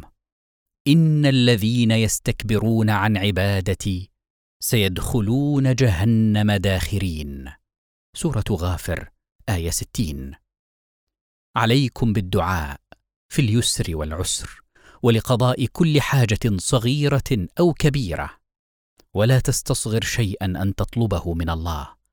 ولا تستكثر شيئا أن تطلبه من الله. فإنك لم تصب خيرا قط إلا من الله. ولم يدفع عنك شرا أحد قط إلا الله. وروي أن الله أوحى إلى موسى عليه السلام يا موسى ادعوني لملح عجينتك ولشسع نعلك ولعلف دابتك. واعلموا أيها الأحبة إن الله سبحانه وتعالى لا يحد بوصف وعطاؤه ما لا نهاية له وإنما ينزل بقدر لأن عالمنا محدود. فاطلب ما بدا لك من خير الدنيا والآخرة لما فيه صلاح دينك ورضا ربك. ولا تفوتك ادعيه الصحيفة السجادية المباركة. فهي زبور آل محمد عليهم السلام ودعاء كميل خصوصا في ليالي الجمعة. ودعاء أبي حمزة الثمالي والمناجاة الشعبانية. وأورد هنا هذه المناجاة لعل الله يجعل فيها نجاتنا من مكائد الدنيا وخدعها ويوفق البعض لتدبر معانيها. أو لحفظها والدعاء بها على كل حال. بسم الله الرحمن الرحيم. إلهي أسكنتنا دارا حفرت لنا حفر مكرها وعلقتنا بأيدي المنايا في حبائل غدرها فإليك نلتجئ من مكائد خدعها وبك نعتصم من الاغترار بزخارف زينتها. فإنها المهلكة طلابها المتلفة حلالها المحشوة بالآفات المشحونة بالنكبات. إلهي فزهدنا فيها وسلمنا منها بتوفيقك وعصمتك وانزع عنا جلابيب مخالفتك وتول أمورنا بحسن كفايتك وأوفر مزيدنا من سعة رحمتك. وأجمل صلاتنا من فيض مواهبك. واغرس في أفئدتنا أشجار محبتك. وأتم لنا أنوار معرفتك. وأذقنا حلاوة عفوك ولذة مغفرتك. وأقرر أعيننا يوم لقائك برؤيتك. وأخرج حب الدنيا من قلوبنا كما فعلت بالصالحين من صفوتك. والأبرار من خاصتك. برحمتك يا أرحم الراحمين ويا أكرم الأكرمين. المصدر الصحيفة السجادية مناجاة الزاهدين. وعليكم بذكر الله على كل حال في العمل وفي الفراغ وفي الليل والنهار وخاصة بعد الصلاة الواجبة. قبل أن تقوم من مقامك. وأكثروا من الصلاة على محمد وآل محمد. ولا تتركوا سجدة الشكر بعد الصلاة. وبعد كل نعمة ينعم الله سبحانه وتعالى بها عليك. وبعد كل مكروه يدفع عنك. وصفتها أن تسجد ثم تضع خدك الأيمن على الأرض. ثم الأيسر. ثم تعود للسجود. وأقل ما يقال فيها شكرا لله ثلاث مرات والأفضل مئة مرة. ومن الأذكار التي على المؤمنين المداومة عليها خصوصا بعد صلاة الصبح. واحد لا إله إلا الله وحده لا شريك له له الملك وله الحمد. يحيي ويميت ويميت ويحيي. وهو حي لا يموت. بيده الخير وهو على كل شيء قدير. عشر مرات بعد صلاة الصبح وقبل غروب الشمس. اثنان. سبحان الله العظيم وبحمده. ولا حول ولا قوة إلا بالله العلي العظيم. عشر مرات. ثلاثة. أشهد أن لا إله إلا الله وحده لا شريك له. إلها واحدا أحدا فردا صمدا لم يتخذ صاحبة ولا ولدا. عشر مرات. أربعة. اللهم صل على محمد وعجل فرجهم. مئة مرة. خمسة. سبحان الله والحمد لله. ولا إله إلا الله. والله أكبر. ثلاثون مرة. وهذه الأذكار كما أن لها فائدة أخروية. كذلك لها فائدة دنيوية. وتدفع شر السلطان والشيطان. والأمر بالمعروف والنهي عن المنكر. وهو من أهم الواجبات التي يقوم بها المجتمع الإسلامي ككل. فطالب العلوم الدينية والطبيب والفلاح والمهندس وكل فرد في المجتمع الإسلامي مسؤول عن الأمر بالمعروف والنهي عن المنكر. وقد أنذر رسول الله صلى الله عليه وآله وسلم هذه الأمة عن تركه بأن يسلط الله عليها شرارها ثم يدعون فلا يستجاب لهم. ورد في الحاشية روى الطبراني عن أبي هريرة قال قال رسول الله صلى الله عليه وآله وسلم لتأمرن بالمعروف ولتنهون عن المنكر أو ليسلطن الله عليكم شراركم ثم يدعو خياركم. فلا يستجاب لكم. المعجم الأوسط الجزء الثاني صفحة 99 انتهت الحاشية. وهل يوجد أشر من الطواغيت المتسلطين على الأمة اليوم؟ فعودوا إلى الأمر بالمعروف والنهي عن المنكر ولا تأخذكم في الله لومة لائم. ولترفع الأصوات بوجه كل عاص لعل الله يرحمنا ويرفع عنا هذا البلاء. قال تعالى ولتكن منكم أمة يدعون إلى الخير ويأمرون بالمعروف وينهون عن المنكر وأولئك هم المفلحون. سورة آل عمران آية 104 وقد ورد عنهم عليهم السلام إن بالأمر بالمعروف تقام الفرائض وتأمن المذاهب وتحل المكاسب وتمنع المظالم وتعمر الأرض. وينتصف للمظلوم من الظالم. ولا يزال الناس بخير ما أمروا بالمعروف ونهوا عن المنكر وتعاونوا على البر. فإن لم يفعلوا ذلك نزعت منهم البركات وسلط بعضهم على بعض ولم يكن لهم ناصر في الأرض ولا في السماء. ورد في الحاشية روى الشيخ الطوسي في التهذيب عن النبي صلى الله عليه وآله وسلم أنه قال لا يزال الناس بخير ما أمروا بالمعروف ونهوا عن المنكر وتعاونوا على البر والتقوى.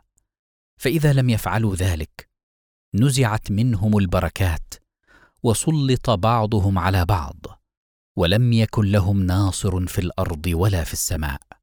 تهذيب الأحكام الجزء السادس صفحة 181 وروى الكليني عن أبي جعفر عليه السلام قال يكون في آخر الزمان قوم. يتبع فيهم قوم مراؤون.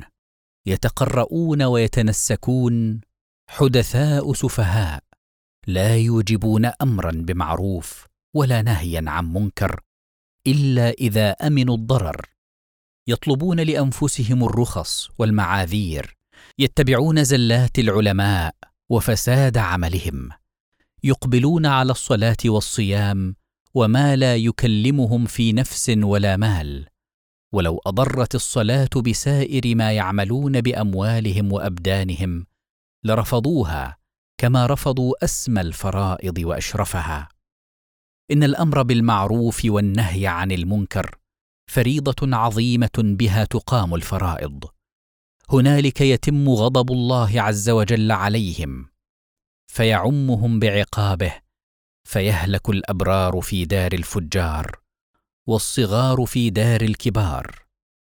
إن الأمر بالمعروف والنهي عن المنكر سبيل الأنبياء ومنهاج الصلحاء فريضة عظيمة بها تقام الفرائض وتأمن المذاهب وتحل المكاسب وترد المظالم وتعمر الأرض وينتصف من الأعداء ويستقيم الأمر.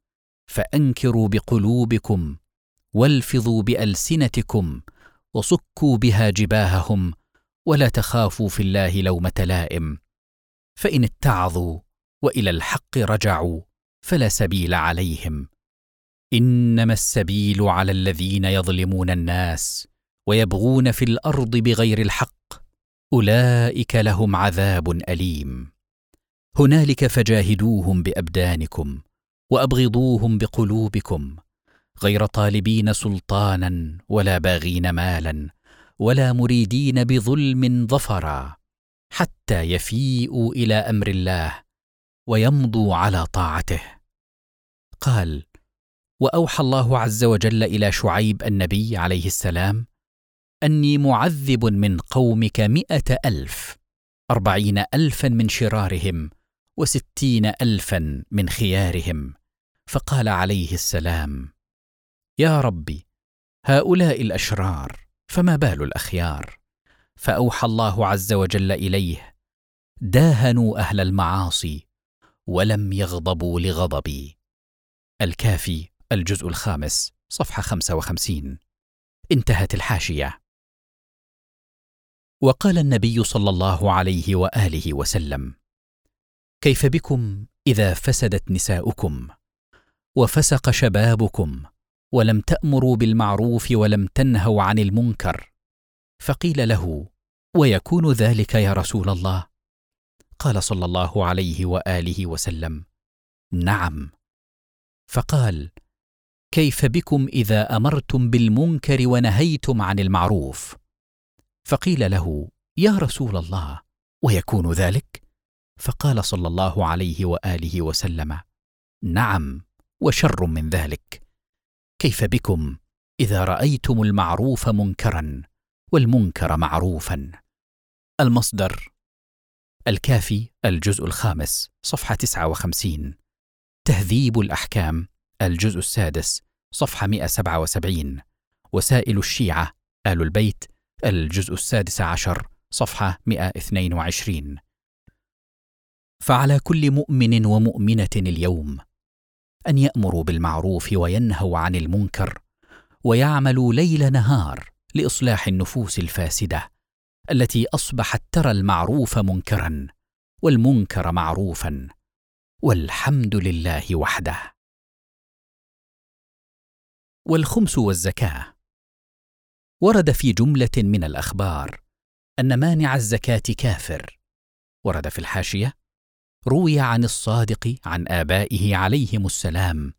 في وصية النبي صلى الله عليه وآله وسلم لعلي عليه السلام قال يا علي كفر بالله العظيم من هذه الأمة عشرة وعد منهم مانع الزكاة. ثم قال يا علي ثمانية لا يقبل الله منهم الصلاة وعد منهم مانع الزكاة. ثم قال يا علي من منع قيراطا من زكاة ماله فليس بمؤمن ولا بمسلم ولا كرامة.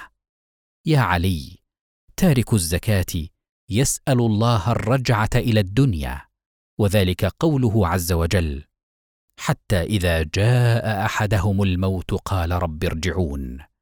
وسائل الشيعة آل البيت الجزء التاسع صفحة 34 انتهت الحاشية. وقال الباقر عليه السلام إن أشد ما فيه الناس يوم القيامة إذا قام صاحب الخمس فقال يا ربي خمسي.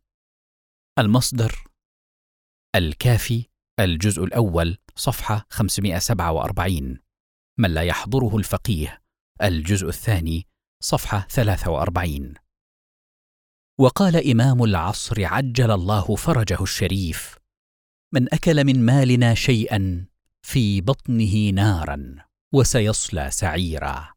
المصدر كمال الدين وتمام النعمة. صفحة 521 وسائل الشيعة آل البيت.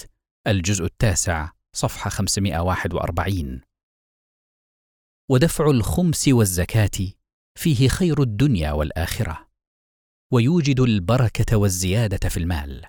قال تعالى إن الذين يتلون كتاب الله وأقاموا الصلاة وأنفقوا مما رزقناهم سرا وعلانية يرجون تجارة لن تبور ليوفيهم أجورهم ويزيدهم من فضله. إنه غفور شكور. سورة فاطر آية 29 و30 ولعل أهم ما يجب أن تعرفه أن من لا يدفع ماله في سبيل الله لا يدفع نفسه في سبيل الله. فالذي لا يدفع الخمس والزكاة لن يقاتل مع صف الإمام الحجة عليه السلام بل لا يبعد أنه سيحارب ضد الإمام عليه السلام إذا تعارضت عدالة الإمام عليه السلام مع مصالحه الشخصية. وانظر بعين الإنصاف. أن المال كله لله فهو مالك كل شيء ومع ذلك فقد جعل لك أربعة أخماس. ما جعلك مستخلفا فيه وفرض عليك أن تدفع الخمس والزكاة لتعبر عن طاعتك له وحبك له ولرسوله صلى الله عليه وآله وسلم وذريته لا لحاجة الله لهذا المال. فأنت اليوم تنفقه على الفقراء والمساكين إن أخرجته. وأضرب مثالا. صاحب مزرعة أعطاها لعمال فقال لهم اعملوا فيها وخذوا أربعة أخماس الإنتاج والخمس الباقي أعطوه لجيرانكم من الفقراء. لأني لا أريدهم أن يجوعوا أو يعروا. فطمع العمال حتى بالخمس وأكلوه. هل ترى أكرم من صاحب المزرعة؟ وهل ترى أبخل من هؤلاء العمال؟ والحمد لله رب العالمين. والصيام وهذه العبادة تربي في النفس الاهتمام بأحوال المسلمين الفقراء إضافة إلى تقوى الله. فلا تقضي نهار صيامك في التفكير بإفطارك ونوع الطعام الذي ستتناوله فيه. فعندما تحس بالجوع وأنت صائم تذكر كم من المسلمين يقضون معظم أيام السنة. جياع ولا تكن من الذين وإذا قيل لهم أنفقوا مما رزقكم الله قال الذين كفروا للذين آمنوا أنطعم من لو يشاء الله أطعمه إن أنتم إلا في ضلال مبين. سورة ياسين آية 47 وليس كل ما في وسعك هو إطعام بعض الفقراء بل علينا جميعا أن نعمل لرفع الفقر عن هؤلاء المسلمين الذين يمثلون اليوم معظم أبناء الأمة الإسلامية الغنية بكل أنواع الثروات من أرض زراعية ومعادن ونفط.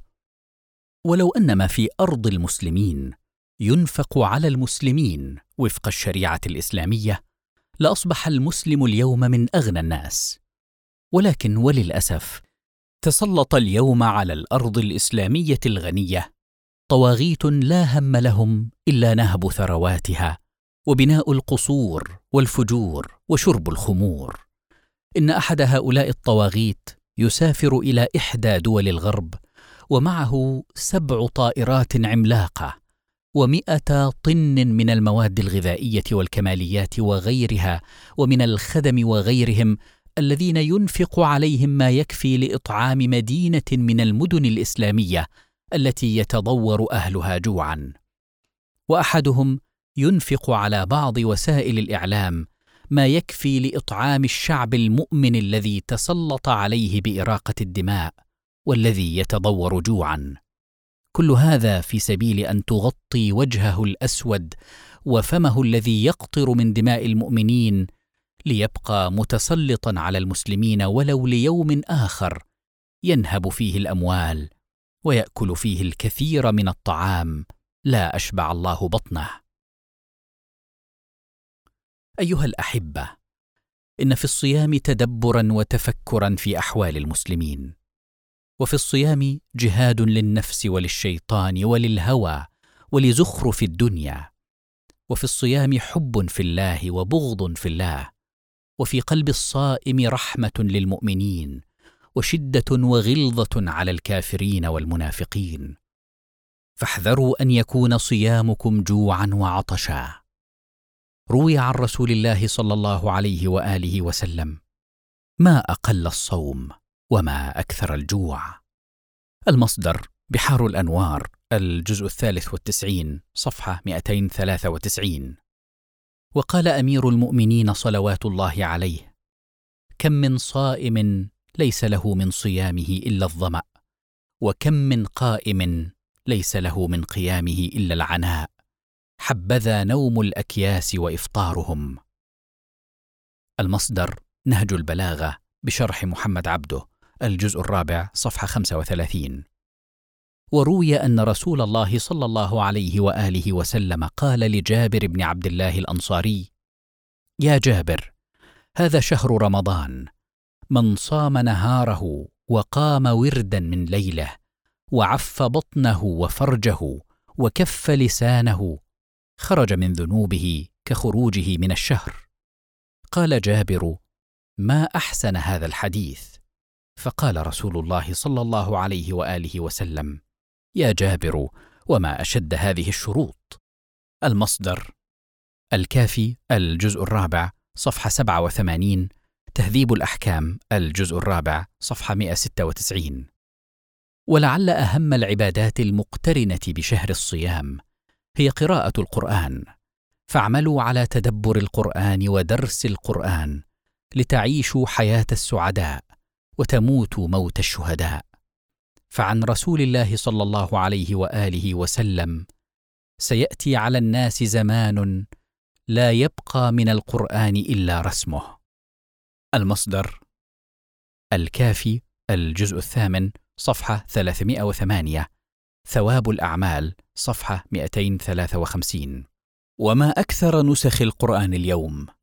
وما أكثر من يقرأ القرآن والحمد لله؟ ولكن هل نتدبر القرآن؟ هل نتخلق بأخلاق القرآن؟ هل نتفكر بآياته؟ هل نحن عباد الله؟ هل نحن كافرون بالطاغوت كما أمرنا الله في القرآن؟ هل نحن موقنون؟ قال تعالى ولو أن قرآنا سيرت به الجبال أو قطعت به الأرض أو كلم به الموتى بل لله الأمر جميعا. سورة الرعد. آية 31 سبحان الله كل هذا في القرآن ونحن غافلون عن القرآن. فإنا لله وإنا إليه راجعون. وهل نظن إننا تدبرنا القرآن ونحن نجزع لأقل نازلة تنزل بنا؟ ففي القرآن دروس لا تحصى في الصبر والتوكل على الله في سورة الشعراء. فلما تراءى الجمعان قال أصحاب موسى إنا لمدركون. قال كلا إن معي ربي سيهدين. سورة الشعراء آية 61 و 62 هل تدبرنا معنى هذه الآيات؟ أصحاب موسى عليه السلام يؤكدون أنهم واقعون بيد فرعون وجنوده وموسى عليه السلام يؤكد أن الله سيهديه وينجيه من فرعون وجنوده. كلا إن معي ربي سيهدين. هل استعملت هذه الآية سلاحا تهزم به عدوك كما فعل موسى عليه السلام؟ والصبر. يا بني أقم الصلاة وأمر بالمعروف وانه عن المنكر واصبر على ما أصابك. إن ذلك لمن عزم الأمور. ولا تصعر خدك للناس ولا تمش في الأرض مرحا. إن الله لا يحب كل مختال فخور. واقصد في مشيك واغضض من صوتك إن أنكر الأصوات لصوت الحمير. سورة لقمان من الآية سبعة عشر وحتى تسعة عشر. وعن أبي عبد الله عليه السلام قال رسول الله صلى الله عليه وآله وسلم لا حاجة لله في من ليس في ماله وبدنه نصيب. المصدر الكافي الجزء الثاني صفحة 256 بحار الأنوار الجزء 64 صفحة 215 وعن رسول الله صلى الله عليه وآله وسلم عندما سئل من أشد الناس بلاء في الدنيا؟ فقال النبيون ثم الأمثل فالأمثل ويبتلى المؤمن بعد على قدر إيمانه وحسن أعماله. فمن صح إيمانه وحسن عمله اشتد بلاؤه ومن سخف إيمانه وضعف عمله قل بلاؤه. المصدر الكافي الجزء الثاني صفحة 252 وسائل الشيعة. آل البيت الجزء الثالث صفحة 261 وقال أمير المؤمنين عليه السلام لو أحبني جبل لتهافت. ورد في الحاشية نهج البلاغة بشرح محمد عبده الجزء الرابع صفحة 26 بحار الأنوار الجزء 34 صفحة 284 انتهت الحاشية. وقال عليه السلام من أحبنا أهل البيت فليستعد للبلاء جلبابا.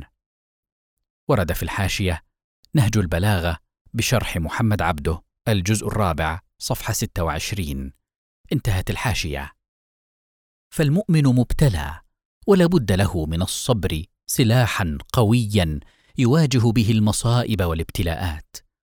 والصبر في سبيل الله من أعظم العبادات وله مظاهر كثيرة منها الصبر على العبادة والصبر عن المعصية والصبر عند المصيبة ولعل من أعظم مصاديق الصبر تحمل المشقة والمصائب التي تعترض الإنسان المؤمن الذي يخلص في طاعة الله حيث إنه يواجه الباطل بما فيه من طواغيت ومترفين وجهال.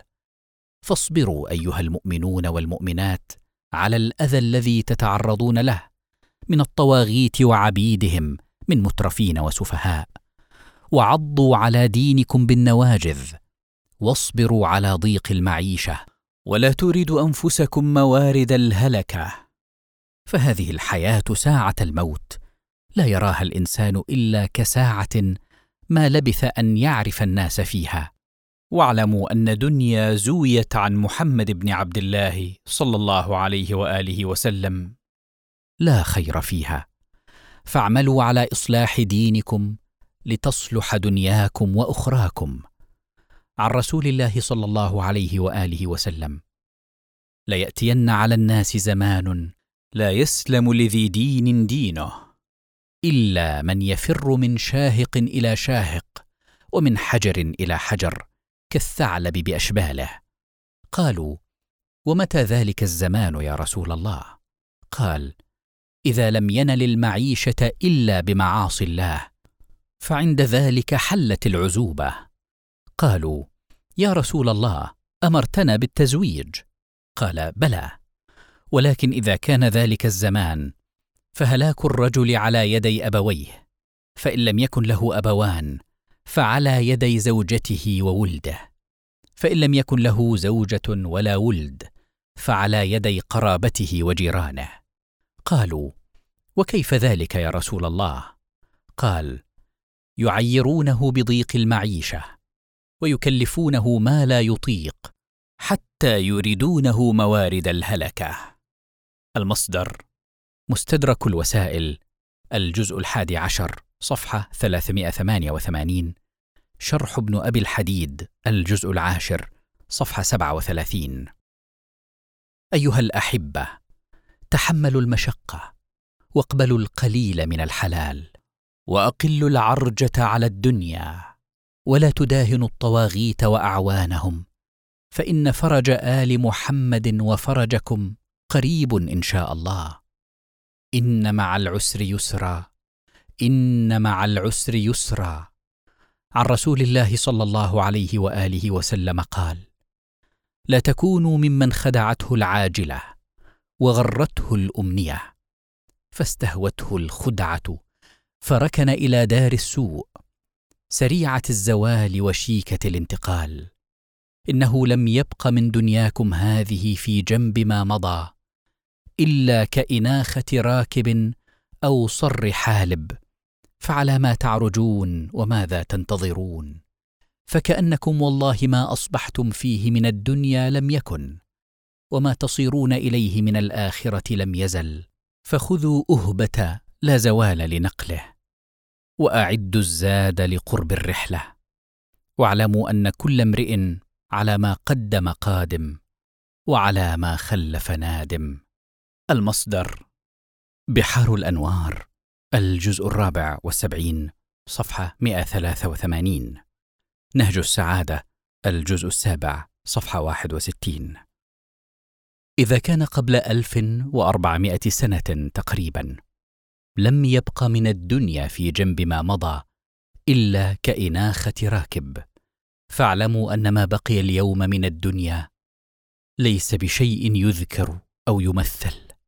فلربما ظهر الإمام المهدي عليه السلام في هذه السنة أو في السنة التي تليها. فهل نبقى غافلين منكبين على طلب الدنيا؟ غافلين عما يراد بنا. الناس نيام إذا ماتوا انتبهوا المصدر خصائص الأئمة صفحة 112 والحديث عن الإمام علي عليه السلام. سئل أبو ذر رضي الله عنه لماذا نحن نكره الموت؟ فأجاب لأنكم عمرتم دنياكم وخربتم آخرتكم والمرء يكره أن ينتقل من عمار إلى خراب. المصدر قال رجل لأبي ذر رحمة الله عليه ما لنا نكره الموت؟ فقال لأنكم عمرتم الدنيا وخربتم الآخرة. فتكرهون أن تنقلوا من عمران إلى خراب. الاعتقادات في دين الإمامية صفحة 57 خلقنا الله للعبادة فوقتنا يجب أن يكون للعبادة. وما زاد منه لطلب الرزق والعمل لا العكس. قال رسول الله صلى الله عليه وآله وسلم أيها الناس إن الرزق مقسوم لن يعدو امرؤ ما قسم له فأجملوا في الطلب وإن العمر محدود لن يتجاوز أحد ما قدر له. المصدر مستدرك الوسائل الجزء الثالث عشر صفحة 29 بحار الأنوار الجزء 74 صفحة 179 وقال صلى الله عليه وآله وسلم عند منصرفه من أحد. أيها الناس أقبلوا على ما كلفتموه من إصلاح آخرتكم وأعرضوا عما ضمن لكم من دنياكم. المصدر بحار الأنوار الجزء الرابع والسبعين صفحة 182 نهج السعادة الجزء السابع صفحة 329 وقال علي عليه السلام لن يفوتك ما قسم لك فأجمل في الطلب. لن تدرك ما زوي عنك فأجمل في المكتسب. المصدر مستدرك الوسائل الجزء الثالث عشر صفحة 33 نهج السعادة الجزء السابع صفحة 330 وقال عليه السلام سوف يأتيك أجلك فأجمل في الطلب. سوف يأتيك ما قدر لك فخفض في المكتسب. المصدر مستدرك الوسائل. الجزء الثالث عشر صفحة 32 نهج السعادة الجزء السابع صفحة 330 وقال عليه السلام عجبت لمن علم إن الله قد ضمن الأرزاق وقدرها وأن سعيه لا يزيده فيما قدر له منها وهو حريص دائب في طلب الرزق. المصدر مستدرك الوسائل الجزء الثالث عشر صفحة 33 نهج السعادة الجزء السابع صفحة 330 واعلموا أن هذه الأحاديث لا تتناقض مع طلب الرزق والسعي في مناكب الدنيا ولكنها تعارض الطلب الذي يجعلك تترك العبادة أو تقصر فيها أو تؤخر الصلاة عن وقتها أو تهلك بدنك في الطلب. فإن لبدنك عليك حقا. واعلموا أن الذي يجهد بدنه لن يقوى على العبادة فيجب أن نوفر وقتا للعبادة الواجبة والمستحبة ونعد العدة لها وخصوصا صلاة الليل لا تتركوها على كل حال. قال الإمام الحسن عليه السلام يا هذا لا تجاهد الطلب جهاد المغالب ولا تتكل على التقدير اتكال المستسلم فإن ابتغاء الفضل من السنة والإجمال في الطلب من العفة وليست العفة بدافعة رزقا ولا الحرص بجالب فضلا فإن الرزق مقسوم والأجل موقوت واستعمال الحرص يورث المآثم. المصدر الحكايات للمفيد صفحة 95 والتقية؟ نحن جميعا نمارس التقية في حياتنا اليومية. فالإنسان مفطور على تجنب الضرر المادي. بل الحيوان الصامت كذلك. ولكننا نحتاج إلى تقنين هذه الطبيعة وفق التشريع الإسلامي.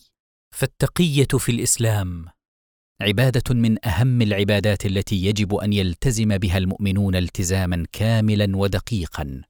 وترك التقية في مواردها محرم كما أن العمل بها في غير مواردها يورد المؤمن موارد الهلكة. فكثير من المؤمنين يفرطون في التقية وقليل من المؤمنين يفرطون بها. وقد ورد عن الأئمة عليهم السلام النهي عن حالتي الإفراط والتفريط في التقية. فعن الصادق عليه السلام ما معناه التقية ديني ودين آبائي.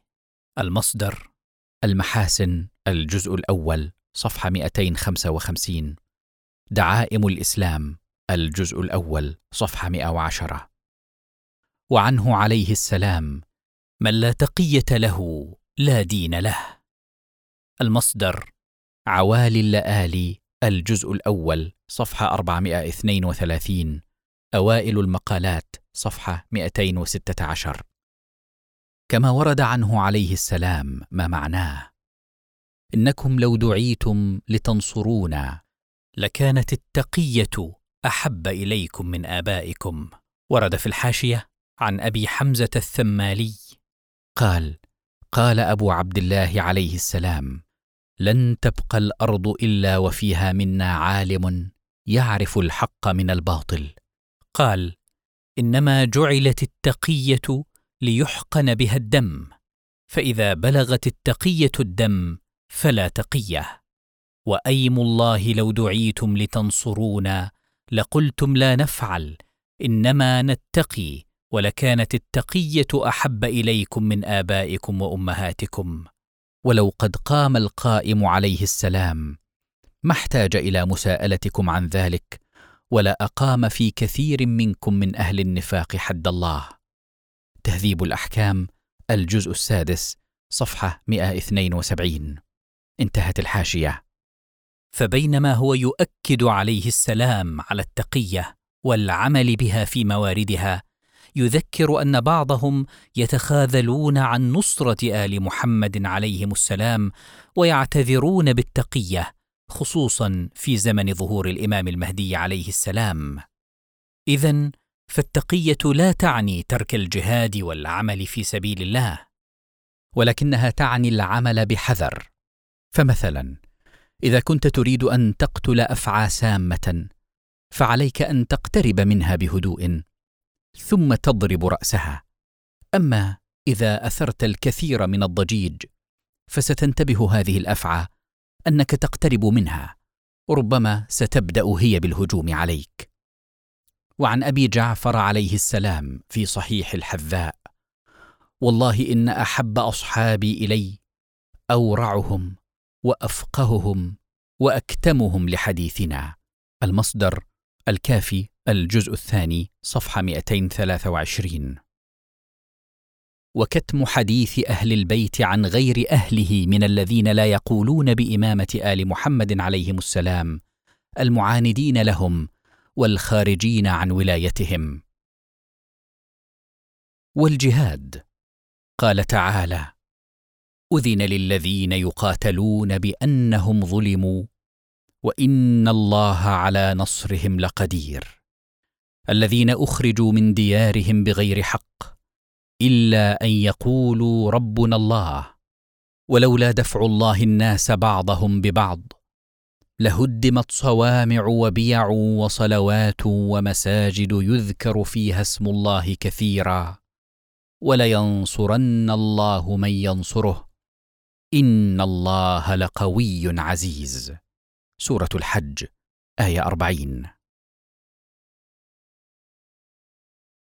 أيها المؤمنون والمؤمنات إن هؤلاء الحكام تسلطوا على المسلمين بالقوة واستبيحت الدماء التي حرم الله وبالمكر والخداع وشراء المرتزقة من الأراذل وأخذوا يحاربون كل إنسان حر يرفض التعبد بقوانينهم لأنهم يرون أنفسهم آلهة يجب أن تطاع من دون الله. إنهم يعتبرون أنفسهم فوق البشر فعليهم أن يقولوا ويفعلوا وعلى الناس أن يثنوا على الأقوال ويحمدوا الأفعال. إنهم مستكبرون لا يعون الكلمة الطيبة إنما يفهمون القوة والقوة فقط هي التي تحل مشكلتنا مع هؤلاء الظلمة المستكبرين. وهذا قدرنا. إن الله سبحانه وتعالى شاء أن يمتحن المؤمنين بالجهاد ليعلم الصادق في إيمانه من الكاذب الذي يدعي الإيمان. قال تعالى ألف لام ميم. أحسب الناس أن يتركوا أن يقولوا آمنا وهم لا يفتنون. ولقد فتنا الذين من قبلهم فليعلمن الله الذين صدقوا وليعلمن الكاذبين. أم حسب الذين يعملون السيئات أن يسبقونا؟ ساء ما يحكمون. من كان يرجو لقاء الله فإن أجل الله لآت وهو السميع العليم. ومن جاهد فإنما يجاهد لنفسه. ان الله لغني عن العالمين. سورة العنكبوت من الآية واحد إلى الآية ستة. ان هؤلاء الطواغيت ركزوا بين اثنين السلة أو الذلة. كما قال مولانا الحسين عليه السلام ورد في الحاشية يشير عليه السلام إلى قول جده الإمام الحسين عليه السلام ألا وإن الدعي ابن الدعي قد تركني بين السلة والذلة وهيهات له ذلك مني. هيهات منا الذلة. أبى الله ذلك لنا ورسوله والمؤمنون. وحجور طهرت وجدود طابت. أن يؤثر طاعة اللئام على مصارع الكرام. ألا وإني زاحف بهذه الأسرة على قلة العدد وكثرة العدو وخذلة الناصر.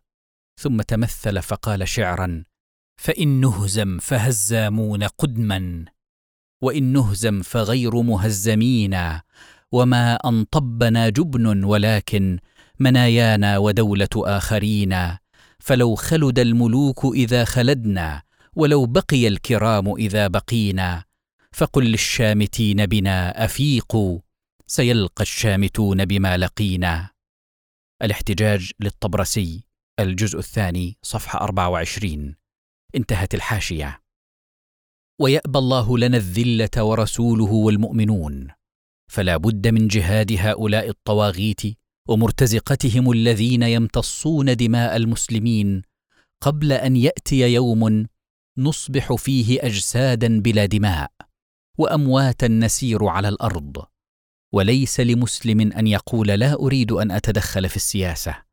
لأن كل مسلم ملتزم بإسلامه متفقه في دينه هو سياسي. انظروا إلى كتب الفقه الإسلامي. ان ما فيها من أحكام المعاملات الاقتصادية والاجتماعية والقضائية والسياسية. أكثر بكثير مما فيها من أحكام العبادات. ثم أليس القرآن هو دستور حياتنا؟ والطريق الذي يرسمه لنا هو الصراط المستقيم الذي يجب أن نسير عليه. فإذا تدبرنا القرآن وجدناه ثورة الأنبياء عليهم السلام والمؤمنين المستضعفين بوجه الطواغيت المستكبرين. وإذا تدبرنا حديث النبي صلى الله عليه وآله وسلم وجدناه يقول أفضل الجهاد كلمة حق عند سلطان جائر. المصدر مسند أحمد الجزء الثالث تسعة عشر. سنن النسائي الجزء السابع صفحة 161 إن في هذا الحديث تفضيل لجهاد الحاكم الجائر وذلك لأنه يحكم بحكم الجاهلية ويتبع هواه ويستبيح الدماء والأموال والفروج ولا يبقى من الإسلام إلا ما يوافق هواه. ويشتري من علماء السوء من يفسر له القرآن وفق هواه فيجعل أولي الأمر في الآية.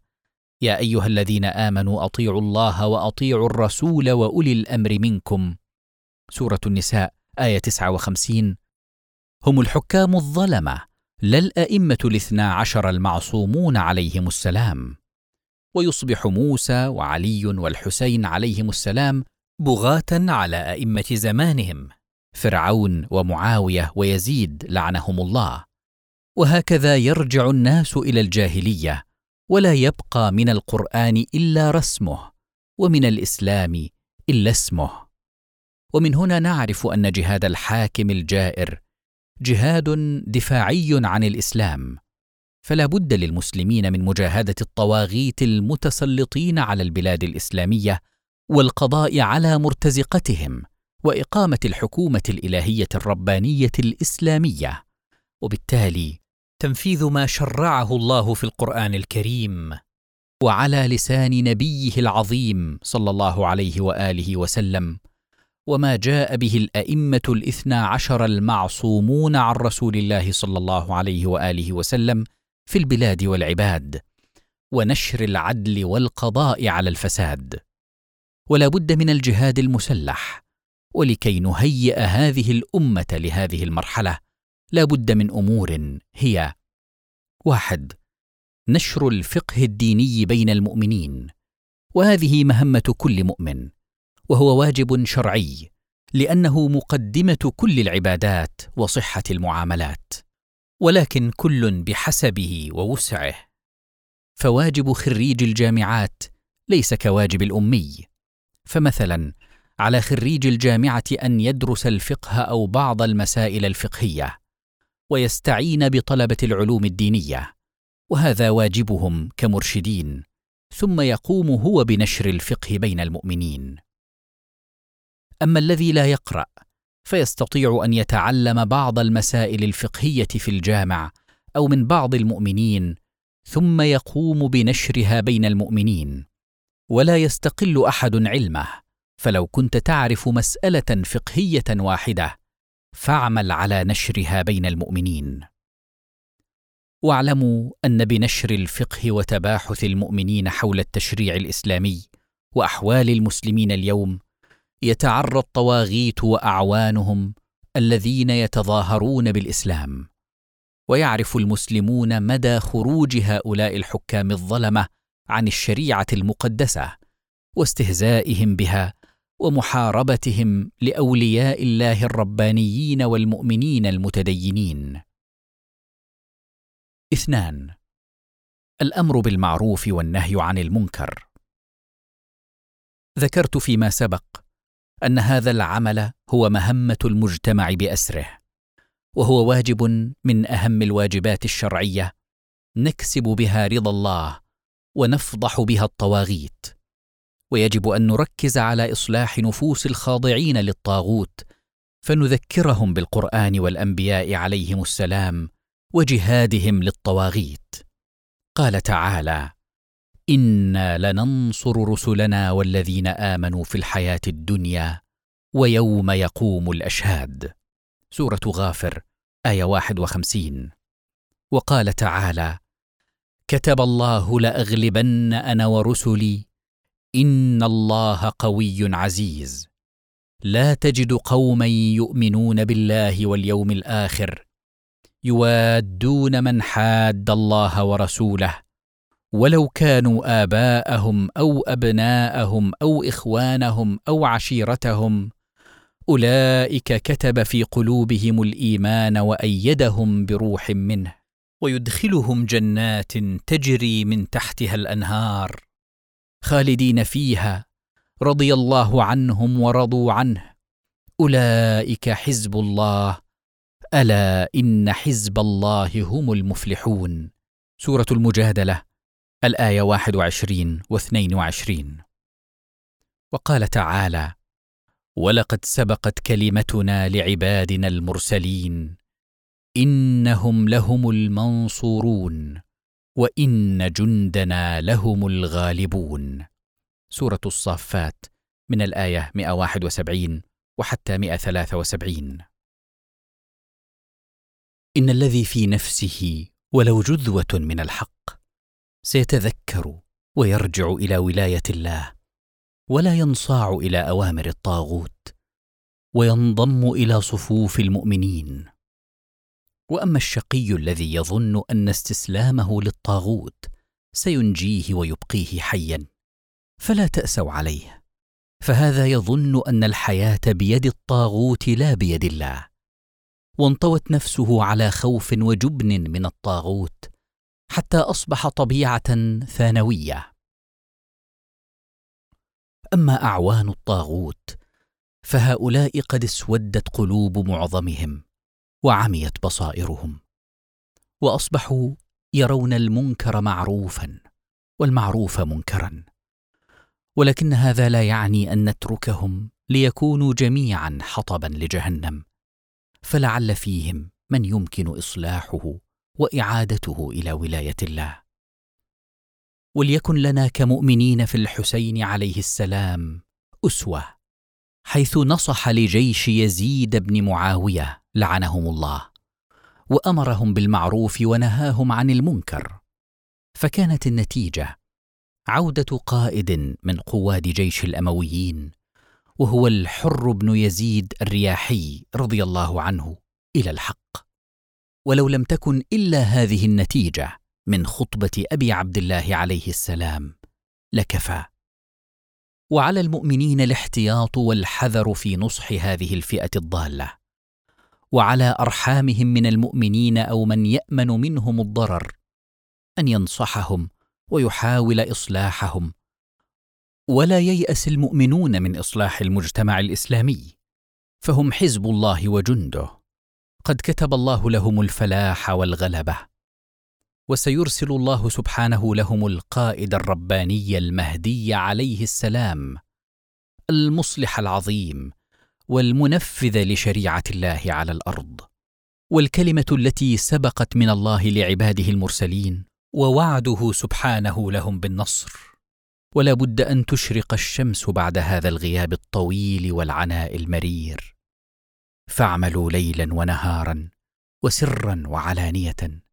واعلموا أن أجر المؤمن الذي يعمل لتهيئة الأساس لدولة صاحب الزمان عليه السلام في هذا الوقت عظيم.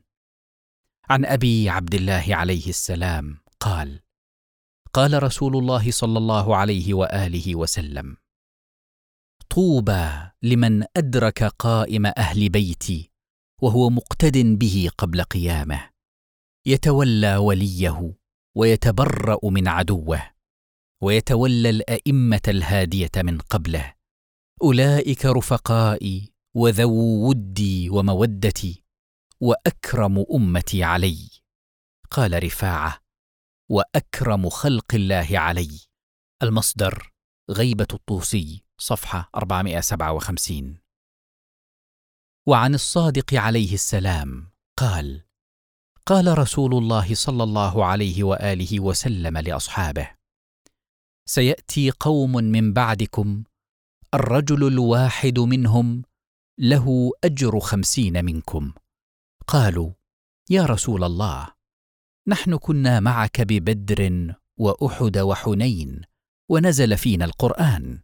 فقال إنكم لو تحملوا لما حملوا لم تصبروا صبرهم.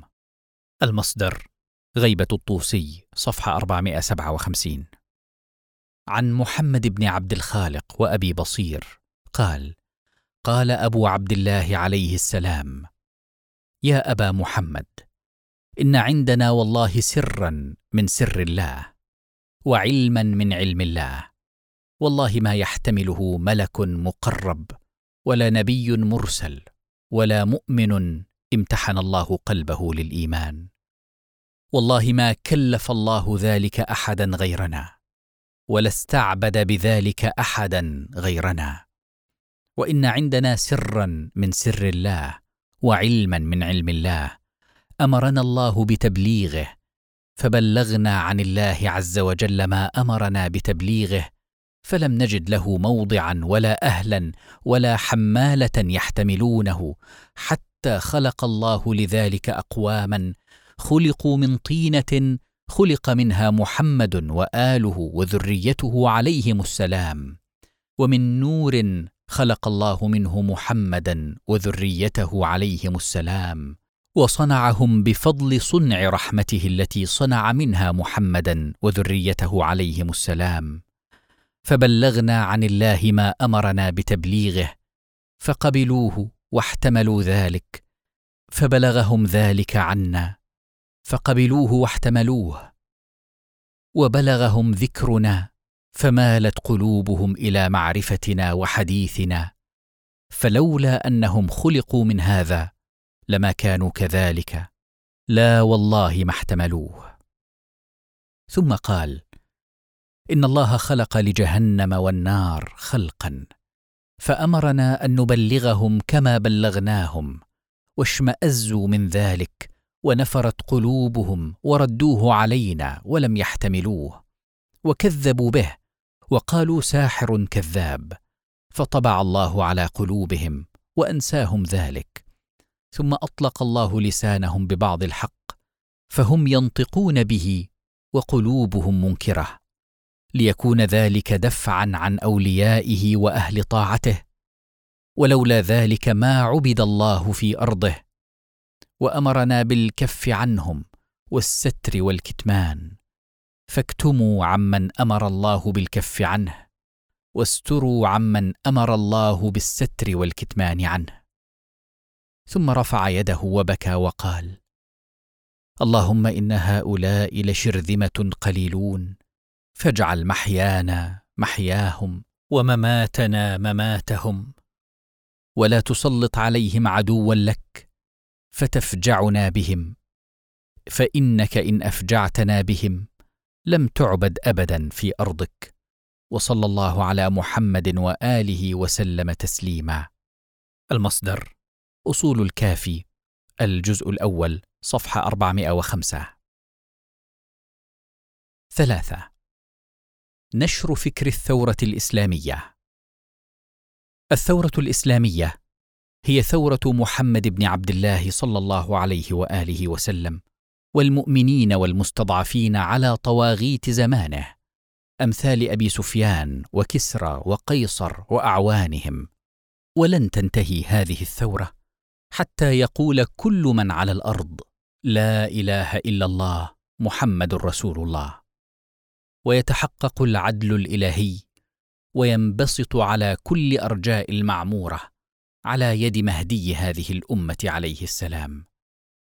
ولا يشك مسلم أن ثورة الحسين عليه السلام هي استمرار لثورة الرسول صلى الله عليه وآله وسلم حيث قال في الحديث المشهور حسين مني. المصدر مسند أحمد الجزء الرابع صفحة 172 سنن ابن ماجه الجزء الأول صفحة 51 فثورة الحسين عليه السلام هي ثورة حزب الله وجنوده على الطاغوت وحزبه. وخروج الحسين عليه السلام هو خروج الرسول صلى الله عليه وآله وسلم في شخص ولده الحسين عليه السلام سيد شباب أهل الجنة. لم يكن خروج الحسين عليه السلام ليحقق نصرا عسكريا في ساحة المعركة وهو يعلم أن معه سبعين رجلا أو يزيدون قليلا. بل إن الحسين عليه السلام خرج بعهد من جده رسول الله صلى الله عليه وآله وسلم وكان يعلم أنه سيقتل ويقتل أصحابه وولده حتى الرضيع وتسبى النساء وفيهن زينب بنت فاطمة بنت رسول الله صلى الله عليه وآله وسلم. إن ثورة الحسين عليه السلام استهدفت إحياء الثورة الإسلامية المحمدية وحقيقتها الإصلاحية التي كان الأمويون يريدون تحويلها إلى مجرد نهضة عسكرية لإقامة إمبراطورية عربية باسم الإسلام. فجاءت نهضة الحسين عليه السلام لتقول للناس جميعا في كل مكان وزمان إن الإسلام لا يستهدف إقامة إمبراطورية عربية أو إسلامية. إن هدف الإسلام هو أن يقول كل من على الأرض لا إله إلا الله. إن هدف الإسلام هو إقامة العدل الإلهي على الأرض. جاءت ثورة الحسين عليه السلام لتعلن براءة الله سبحانه وتعالى ورسوله صلى الله عليه وآله وسلم من الحكام الذين تسلطوا على هذه الأمة وأبعدوا خلفاء الله في أرضه اوصياء محمد صلى الله عليه وآله وسلم الأئمة الاثني عشر عليهم السلام عن الحكم. ان ما حصل في كربلاء في العاشر من المحرم سنة إحدى وستين للهجرة يؤكد أن الأمة الإسلامية ارتدت إلى الجاهلية بعد وفاة النبي صلى الله عليه وآله وسلم. وكان أعظم مظاهر هذه الردة هو قتل الحسين بن علي عليهما السلام ورفع رأسه على رمح وأسر الوصي الرابع من أوصياء محمد صلى الله عليه وآله وسلم علي بن الحسين عليهما السلام وجره إلى الشام مكبلا بالحديد. فكان ما فعلته هذه الأمة مع أوصياء نبيها صلى الله عليه وآله وسلم استكمالا لما فعله بنو إسرائيل مع أنبيائهم عليهم السلام. إن لم يكن ما فعلته هذه الأمة أنكى وأعظم. وأصبح ما حصل في كربلاء لعنة على ذلك الجيل من الأمة الإسلامية الذي ارتضى أن يقتل الحسين عليه السلام. وفي نفس الوقت فهو رحمة لأجيال هذه الأمة التي جاءت بعد مقتل الحسين عليه السلام حيث بدأ يتعمق في نفوس الكثيرين فكر الثورة الإسلامية التي وضع خطتها الله سبحانه وتعالى وينفذها محمد وآل محمد عليهم السلام من بعده. ونحن اليوم نستوعب هذه الحقيقة لأنها واقع عملي فلا يأتي يوم عاشوراء حتى تسمع الدوي والعويل يرتفع على كل بقعة في الأرض يتواجد فيها المؤمنون. لقد ضحى الحسين عليه السلام بكل شيء ليصبح أوضح علامات الطريق إلى الله والخروج من التيه الذي وقعت فيه هذه الأمة وليضع الأساس القوي والمتين الذي يرجع إليه كل مسلم يرفع سيفه بوجه الطواغيت الذين تسلطوا على هذه الأمة ليعيدوها إلى الجاهلية. فثورة الحسين عليه السلام المحمدية الإسلامية الأصلية استهدفت إصلاح نفوس أبناء هذه الأمة وتهيئه جيل مؤهل لحمل الرسالة الإلهية. جيل رباني يعبد الله ولا يقبل إلا بالقرآن دستورا وبالمعصوم المعين من الله أو من ينوب عنه حاكما. فإن كان مقتل الحسين عليه السلام امرا عظيما. فإن الهدف منه بقدر تلك العظمة. إنه إقامة دولة لا إله إلا الله الكبرى على الأرض. دولة العدل الإلهي بقيادة ابن الحسن عليهما السلام. الإمام المهدي المنتظر. عجل الله فرجه الشريف. أربعة. تهيئة القوة للجهاد. إذا تفقه المسلمون في دينهم وبدأوا يأمرون بالمعروف وينهون عن المنكر واستوعبوا هدف الثورة الإسلامية وهو حمل كلمة لا إله إلا الله إلى أهل الأرض. وإقامة العدل الإلهي على الأرض. أصبح لدينا جيل مهيأ لجهاد الطواغيت. فتكون المرحلة الرابعة هي الاستعداد للجهاد بدنيا وتهيئة السلاح ولو كان سكينا صغيرا أو قطعة حديد. ولا تستصغروها فإن أصحاب رسول الله صلى الله عليه وآله وسلم انتصروا بجريد النخل على سيوف مشركي قريش. واعلموا أن الله معكم وهو مثبتكم وناصركم بملائكته إن كنتم مخلصين له سبحانه. ومع جنود الطاغية الشيطان هو الذي يستفزهم وسينكص على عقبيه عندما يتراءى الجمعان وسيهزم الجمع ويولون الدبر. قال تعالى وقال الشيطان لما قضي الأمر إن الله وعدكم وعد الحق ووعدتكم فأخلفتكم وما كان لي عليكم من سلطان إلا أن دعوتكم فاستجبتم لي. فلا تلوموني ولوموا أنفسكم ما أنا بمصرخكم وما أنتم بمصرخي إني كفرت بما أشركتمون من قبل. إن الظالمين لهم عذاب أليم. سورة إبراهيم آية 22 فبهذه المراحل التي مرت يتهيأ جنود المهدي عليه السلام جنود الله سبحانه وتعالى للجهاد نفسيا وبدنيا وليستحضر كل مؤمن مجاهد في نفسه أنه مع الله سبحانه. جبار السماوات والأرض فلا يخاف ولا يخشى من الطاغوت وجنوده مهما كثر عددهم وعدتهم. إن كيد الشيطان كان ضعيفا. سورة النساء آية 76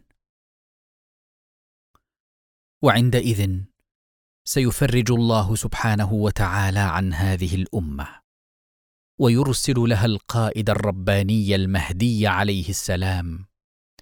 الذي يقودها للخروج من التيه ولدخول الأرض المقدسة إن شاء الله سبحانه وتعالى. والمهدي عليه السلام هو محمد بن الحسن بن علي بن محمد بن علي ابن موسى بن جعفر بن محمد بن علي بن الحسين ابن علي بن أبي طالب عليه السلام. فهو من ولد علي عليه السلام وفاطمة بنت محمد رسول الله صلى الله عليه وآله وسلم. والمسلمون متفقون على خروجه في آخر الزمان والأحاديث في ذلك متواترة ومنكره كافر بما جاء به محمد صلى الله عليه وآله وسلم كما جاء في الحديث عنه صلى الله عليه وآله وسلم. ولادته عليه السلام سنة 255 هجرية. قبل شهادة أبيه الإمام العسكري بخمس سنين. وأمه حفيدة قيصر ملك الروم يرجع نسبها إلى أحد حواري عيسى عليه السلام. وقد رآه الكثير من المؤمنين في حياة أبيه الإمام العسكري عليه السلام. وبعد توليه منصب الإمامة كان يراه سفراؤه الأربعة في زمن الغيبة الصغرى. ولمدة تزيد عن سبعين عاما. ثم شاء الله أن تقع الغيبة الكبرى وسيبقى عليه السلام حيا حتى يملأ الأرض قسطا وعدلا كما ملئت ظلما وجورا. وجاء ذكره في التوراة والإنجيل ويسمى فيها بقديم الأيام لطول عمره عليه السلام. وينزل عيسى عليه السلام في زمن قيامه من السماء وزيرا له ومؤيدا لحقه عليه السلام. قيامه عليه السلام في مكة يجتمع له أصحابه فيها وعدتهم ثلاثمائة وثلاثة عشر رجلا على عدة أهل بدر وأصحاب طالوت الذين عبروا معه النهر. ثم يتوافد المؤمنون المخلصون إلى مكة من كل بلاد المسلمين حتى يبلغ العدد عشرة آلاف وهم أول جيشه عليه السلام. ولا يخرج من مكة لقتال الطواغيت حتى يخسف الله الأرض بجيش السفياني بين مكة والمدينة. وهو جيش يرسل للقضاء على حركة المهدي عليه السلام. وبعد هذا الحادث يبدأ حركته بتطهير الأرض الإسلامية من الطواغيت وعبيدهم المجتمعين حولهم. ويقضي على السفياني وجنده الأرجاس ويحرر الأرض المقدسة ويدخل الناس في دين الله أفواجا. ولكن الامتحانات في زمن ظهوره عليه السلام كثيرة منها الدجال وجيوش الغرب لكن الله ينصر وليه المهدي عليه السلام وجنود الله الذين معه على أعدائهم ليظهر الدين الإلهي على الدين كله. ولو كره المشركون كما وعد سبحانه وتعالى في كتابه الكريم القرآن. ورد في الحاشية يشير عليه السلام إلى قوله تعالى هو الذي أرسل رسوله بالهدى ودين الحق ليظهره على الدين كله ولو كره المشركون. سورة التوبة آية 33 انتهت الحاشية. ومن علامات قرب ظهوره عليه السلام أن تمنع السماء قطرها وحر شديد واختلاف الشيعة ويقع الموت في الفقهاء وقتل كثير منهم في النجف وحصار اقتصادي على العراق كما ورد يكاد لا يجبى للعراق قفيز ولا درهم. ورد في الحاشية عن أبي نضرة قال كنا عند جابر بن عبد الله فقال يوشك أهل العراق ألا يجبى إليهم قفيز ولا درهم. العمدة لابن البطريق صفحة 424 بحار الأنوار الجزء 51 صفحة 91 صحيح مسلم الجزء الثامن صفحة 184 انتهت الحاشية. ومنع أهل العراق من الحج والذين يمنعونهم الروم الغرب اليوم. كما روي عن الصادق عليه السلام مخاطبا بعض أهل العراق. فعند ذلك تمنعون الحج وتنقص الثمار وتجدب البلاد وتبتلون بغلاء الأسعار وجور السلطان. ويظهر فيكم الظلم والعدوان مع البلاء والوباء والجوع وتظلكم الفتن من الآفاق. المصدر أمال المفيد صفحة 64 بحار الأنوار الجزء 47 صفحة 122 وزخرفة المساجد وتزيين المصاحف والأكل في المساجد وأن تصبح السنة كالشهر والشهر كالأسبوع والأسبوع كاليوم واليوم كالساعة. وقتل أربعة آلاف مسلم في مسجد الكوفة في يوم الجمعة يقتلهم حكام العراق. وهدم حائط مسجد الكوفة واختلاف حكام العراق فيما بينهم وهذا الاختلاف أول علامات ذهاب ملكهم وطمع الناس فيهم وظهور الكوكب المذنب يضيء كما يضيء القمر وينعطف حتى يكاد يلتقي طرفاه. والنداء من السماء في شهر رمضان في الثالث والعشرين منه وظهور السفياني في الشام في الأردن واحتلاله سوريا وبعض فلسطين وقبله يحصل اختلاف في الشام على الحكم ودخول السفياني العراق وقتله حاكم العراق وخسوف القمر في آخر شهر رمضان لخمس بقين منه وكسوف الشمس في منتصف شهر رمضان وهاتين العلامتين في شهر واحد. وفيضان يملأ الكوفة في سنة قيامه عليه السلام وأن تمطر السماء اربعا وعشرين مطرة ترى آثارها وبركاتها في الأرض في سنة قيامه عليه السلام وأن يفسد التمر في النخل وورد أن تفسد الثمار في الأشجار. ورد في الحاشية عن أبي عبد الله عليه السلام قال إن قدام القائم عليه السلام لسنة غيداقة يفسد فيها الثمار والتمر في النخل فلا تشكوا في ذلك. الإرشاد الجزء الثاني صفحة 377 انتهت الحاشية. وظهور نار في الحجاز وظهور نار في السماء وظهور حمرة في السماء. وركود الشمس عند الزوال وخراب بغداد بالحروب والفتن وخراب البصرة وظهور ذكره عليه السلام على ألسنة الناس وخروجه في وتر من السنين وقتل النفس الزكية في الكعبة يذبح بين الركن والمقام ويقوم القائم بعد هذه العلامة بخمسة عشر يوما أو أقل منها. وبعد قيامه توجد علامات للدلالة عليه وهي الخسف بجيش السفياني في البيداء بين مكة والمدينة. وربما كان النداء بعد قيامه للدلالة على حقه خصوصا أن المنادي جبرائيل عليه السلام في السماء. هذا بعض ما ورد في الحديث عنهم عليهم السلام. والله أعلم وما أوتينا من العلم إلا قليلا. نسأله سبحانه الزيادة. والسلام على حجة الله في أرضه ورحمة الله وبركاته. والسلام على المؤمنين والمؤمنات ورحمة الله وبركاته. ربنا آمنا بما أنزلت واتبعنا الرسول فاكتبنا مع الشاهدين. ربنا لا تزغ قلوبنا بعد إذ هديتنا. وهب لنا من لدنك رحمة إنك أنت الوهاب. سورة آل عمران آية سبعة وثمانية. بسم الله الرحمن الرحيم. إن الله اشترى من المؤمنين أنفسهم وأموالهم بأن لهم الجنة. يقاتلون في سبيل الله فيقتلون ويقتلون. وعدا عليه حقا في التوراة والإنجيل والقرآن.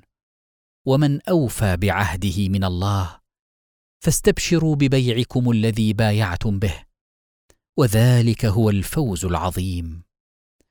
التائبون العابدون الحامدون السائحون الراكعون الساجدون الآمرون بالمعروف والناهون عن المنكر والحافظون لحدود الله.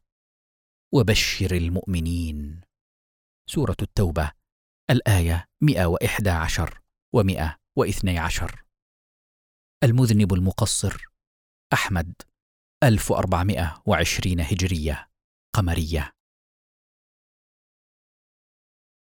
الفهرس. الإهداء صفحة خمسة. المقدمة. صفحة سبعة. تيه بني إسرائيل.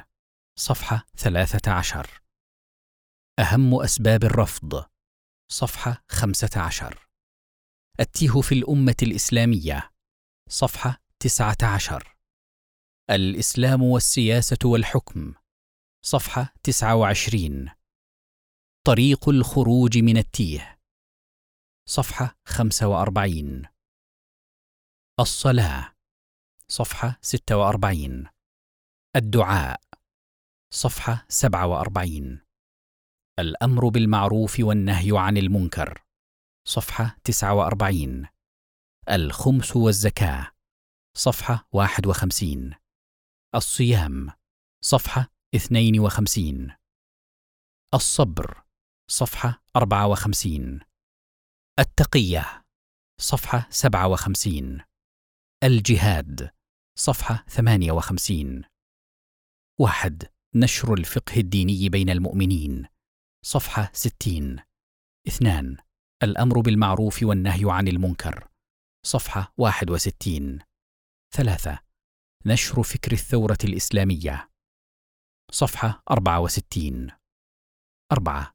تهيئة القوة للجهاد. صفحة خمسة وستين. الفهرس. صفحة واحد وسبعين.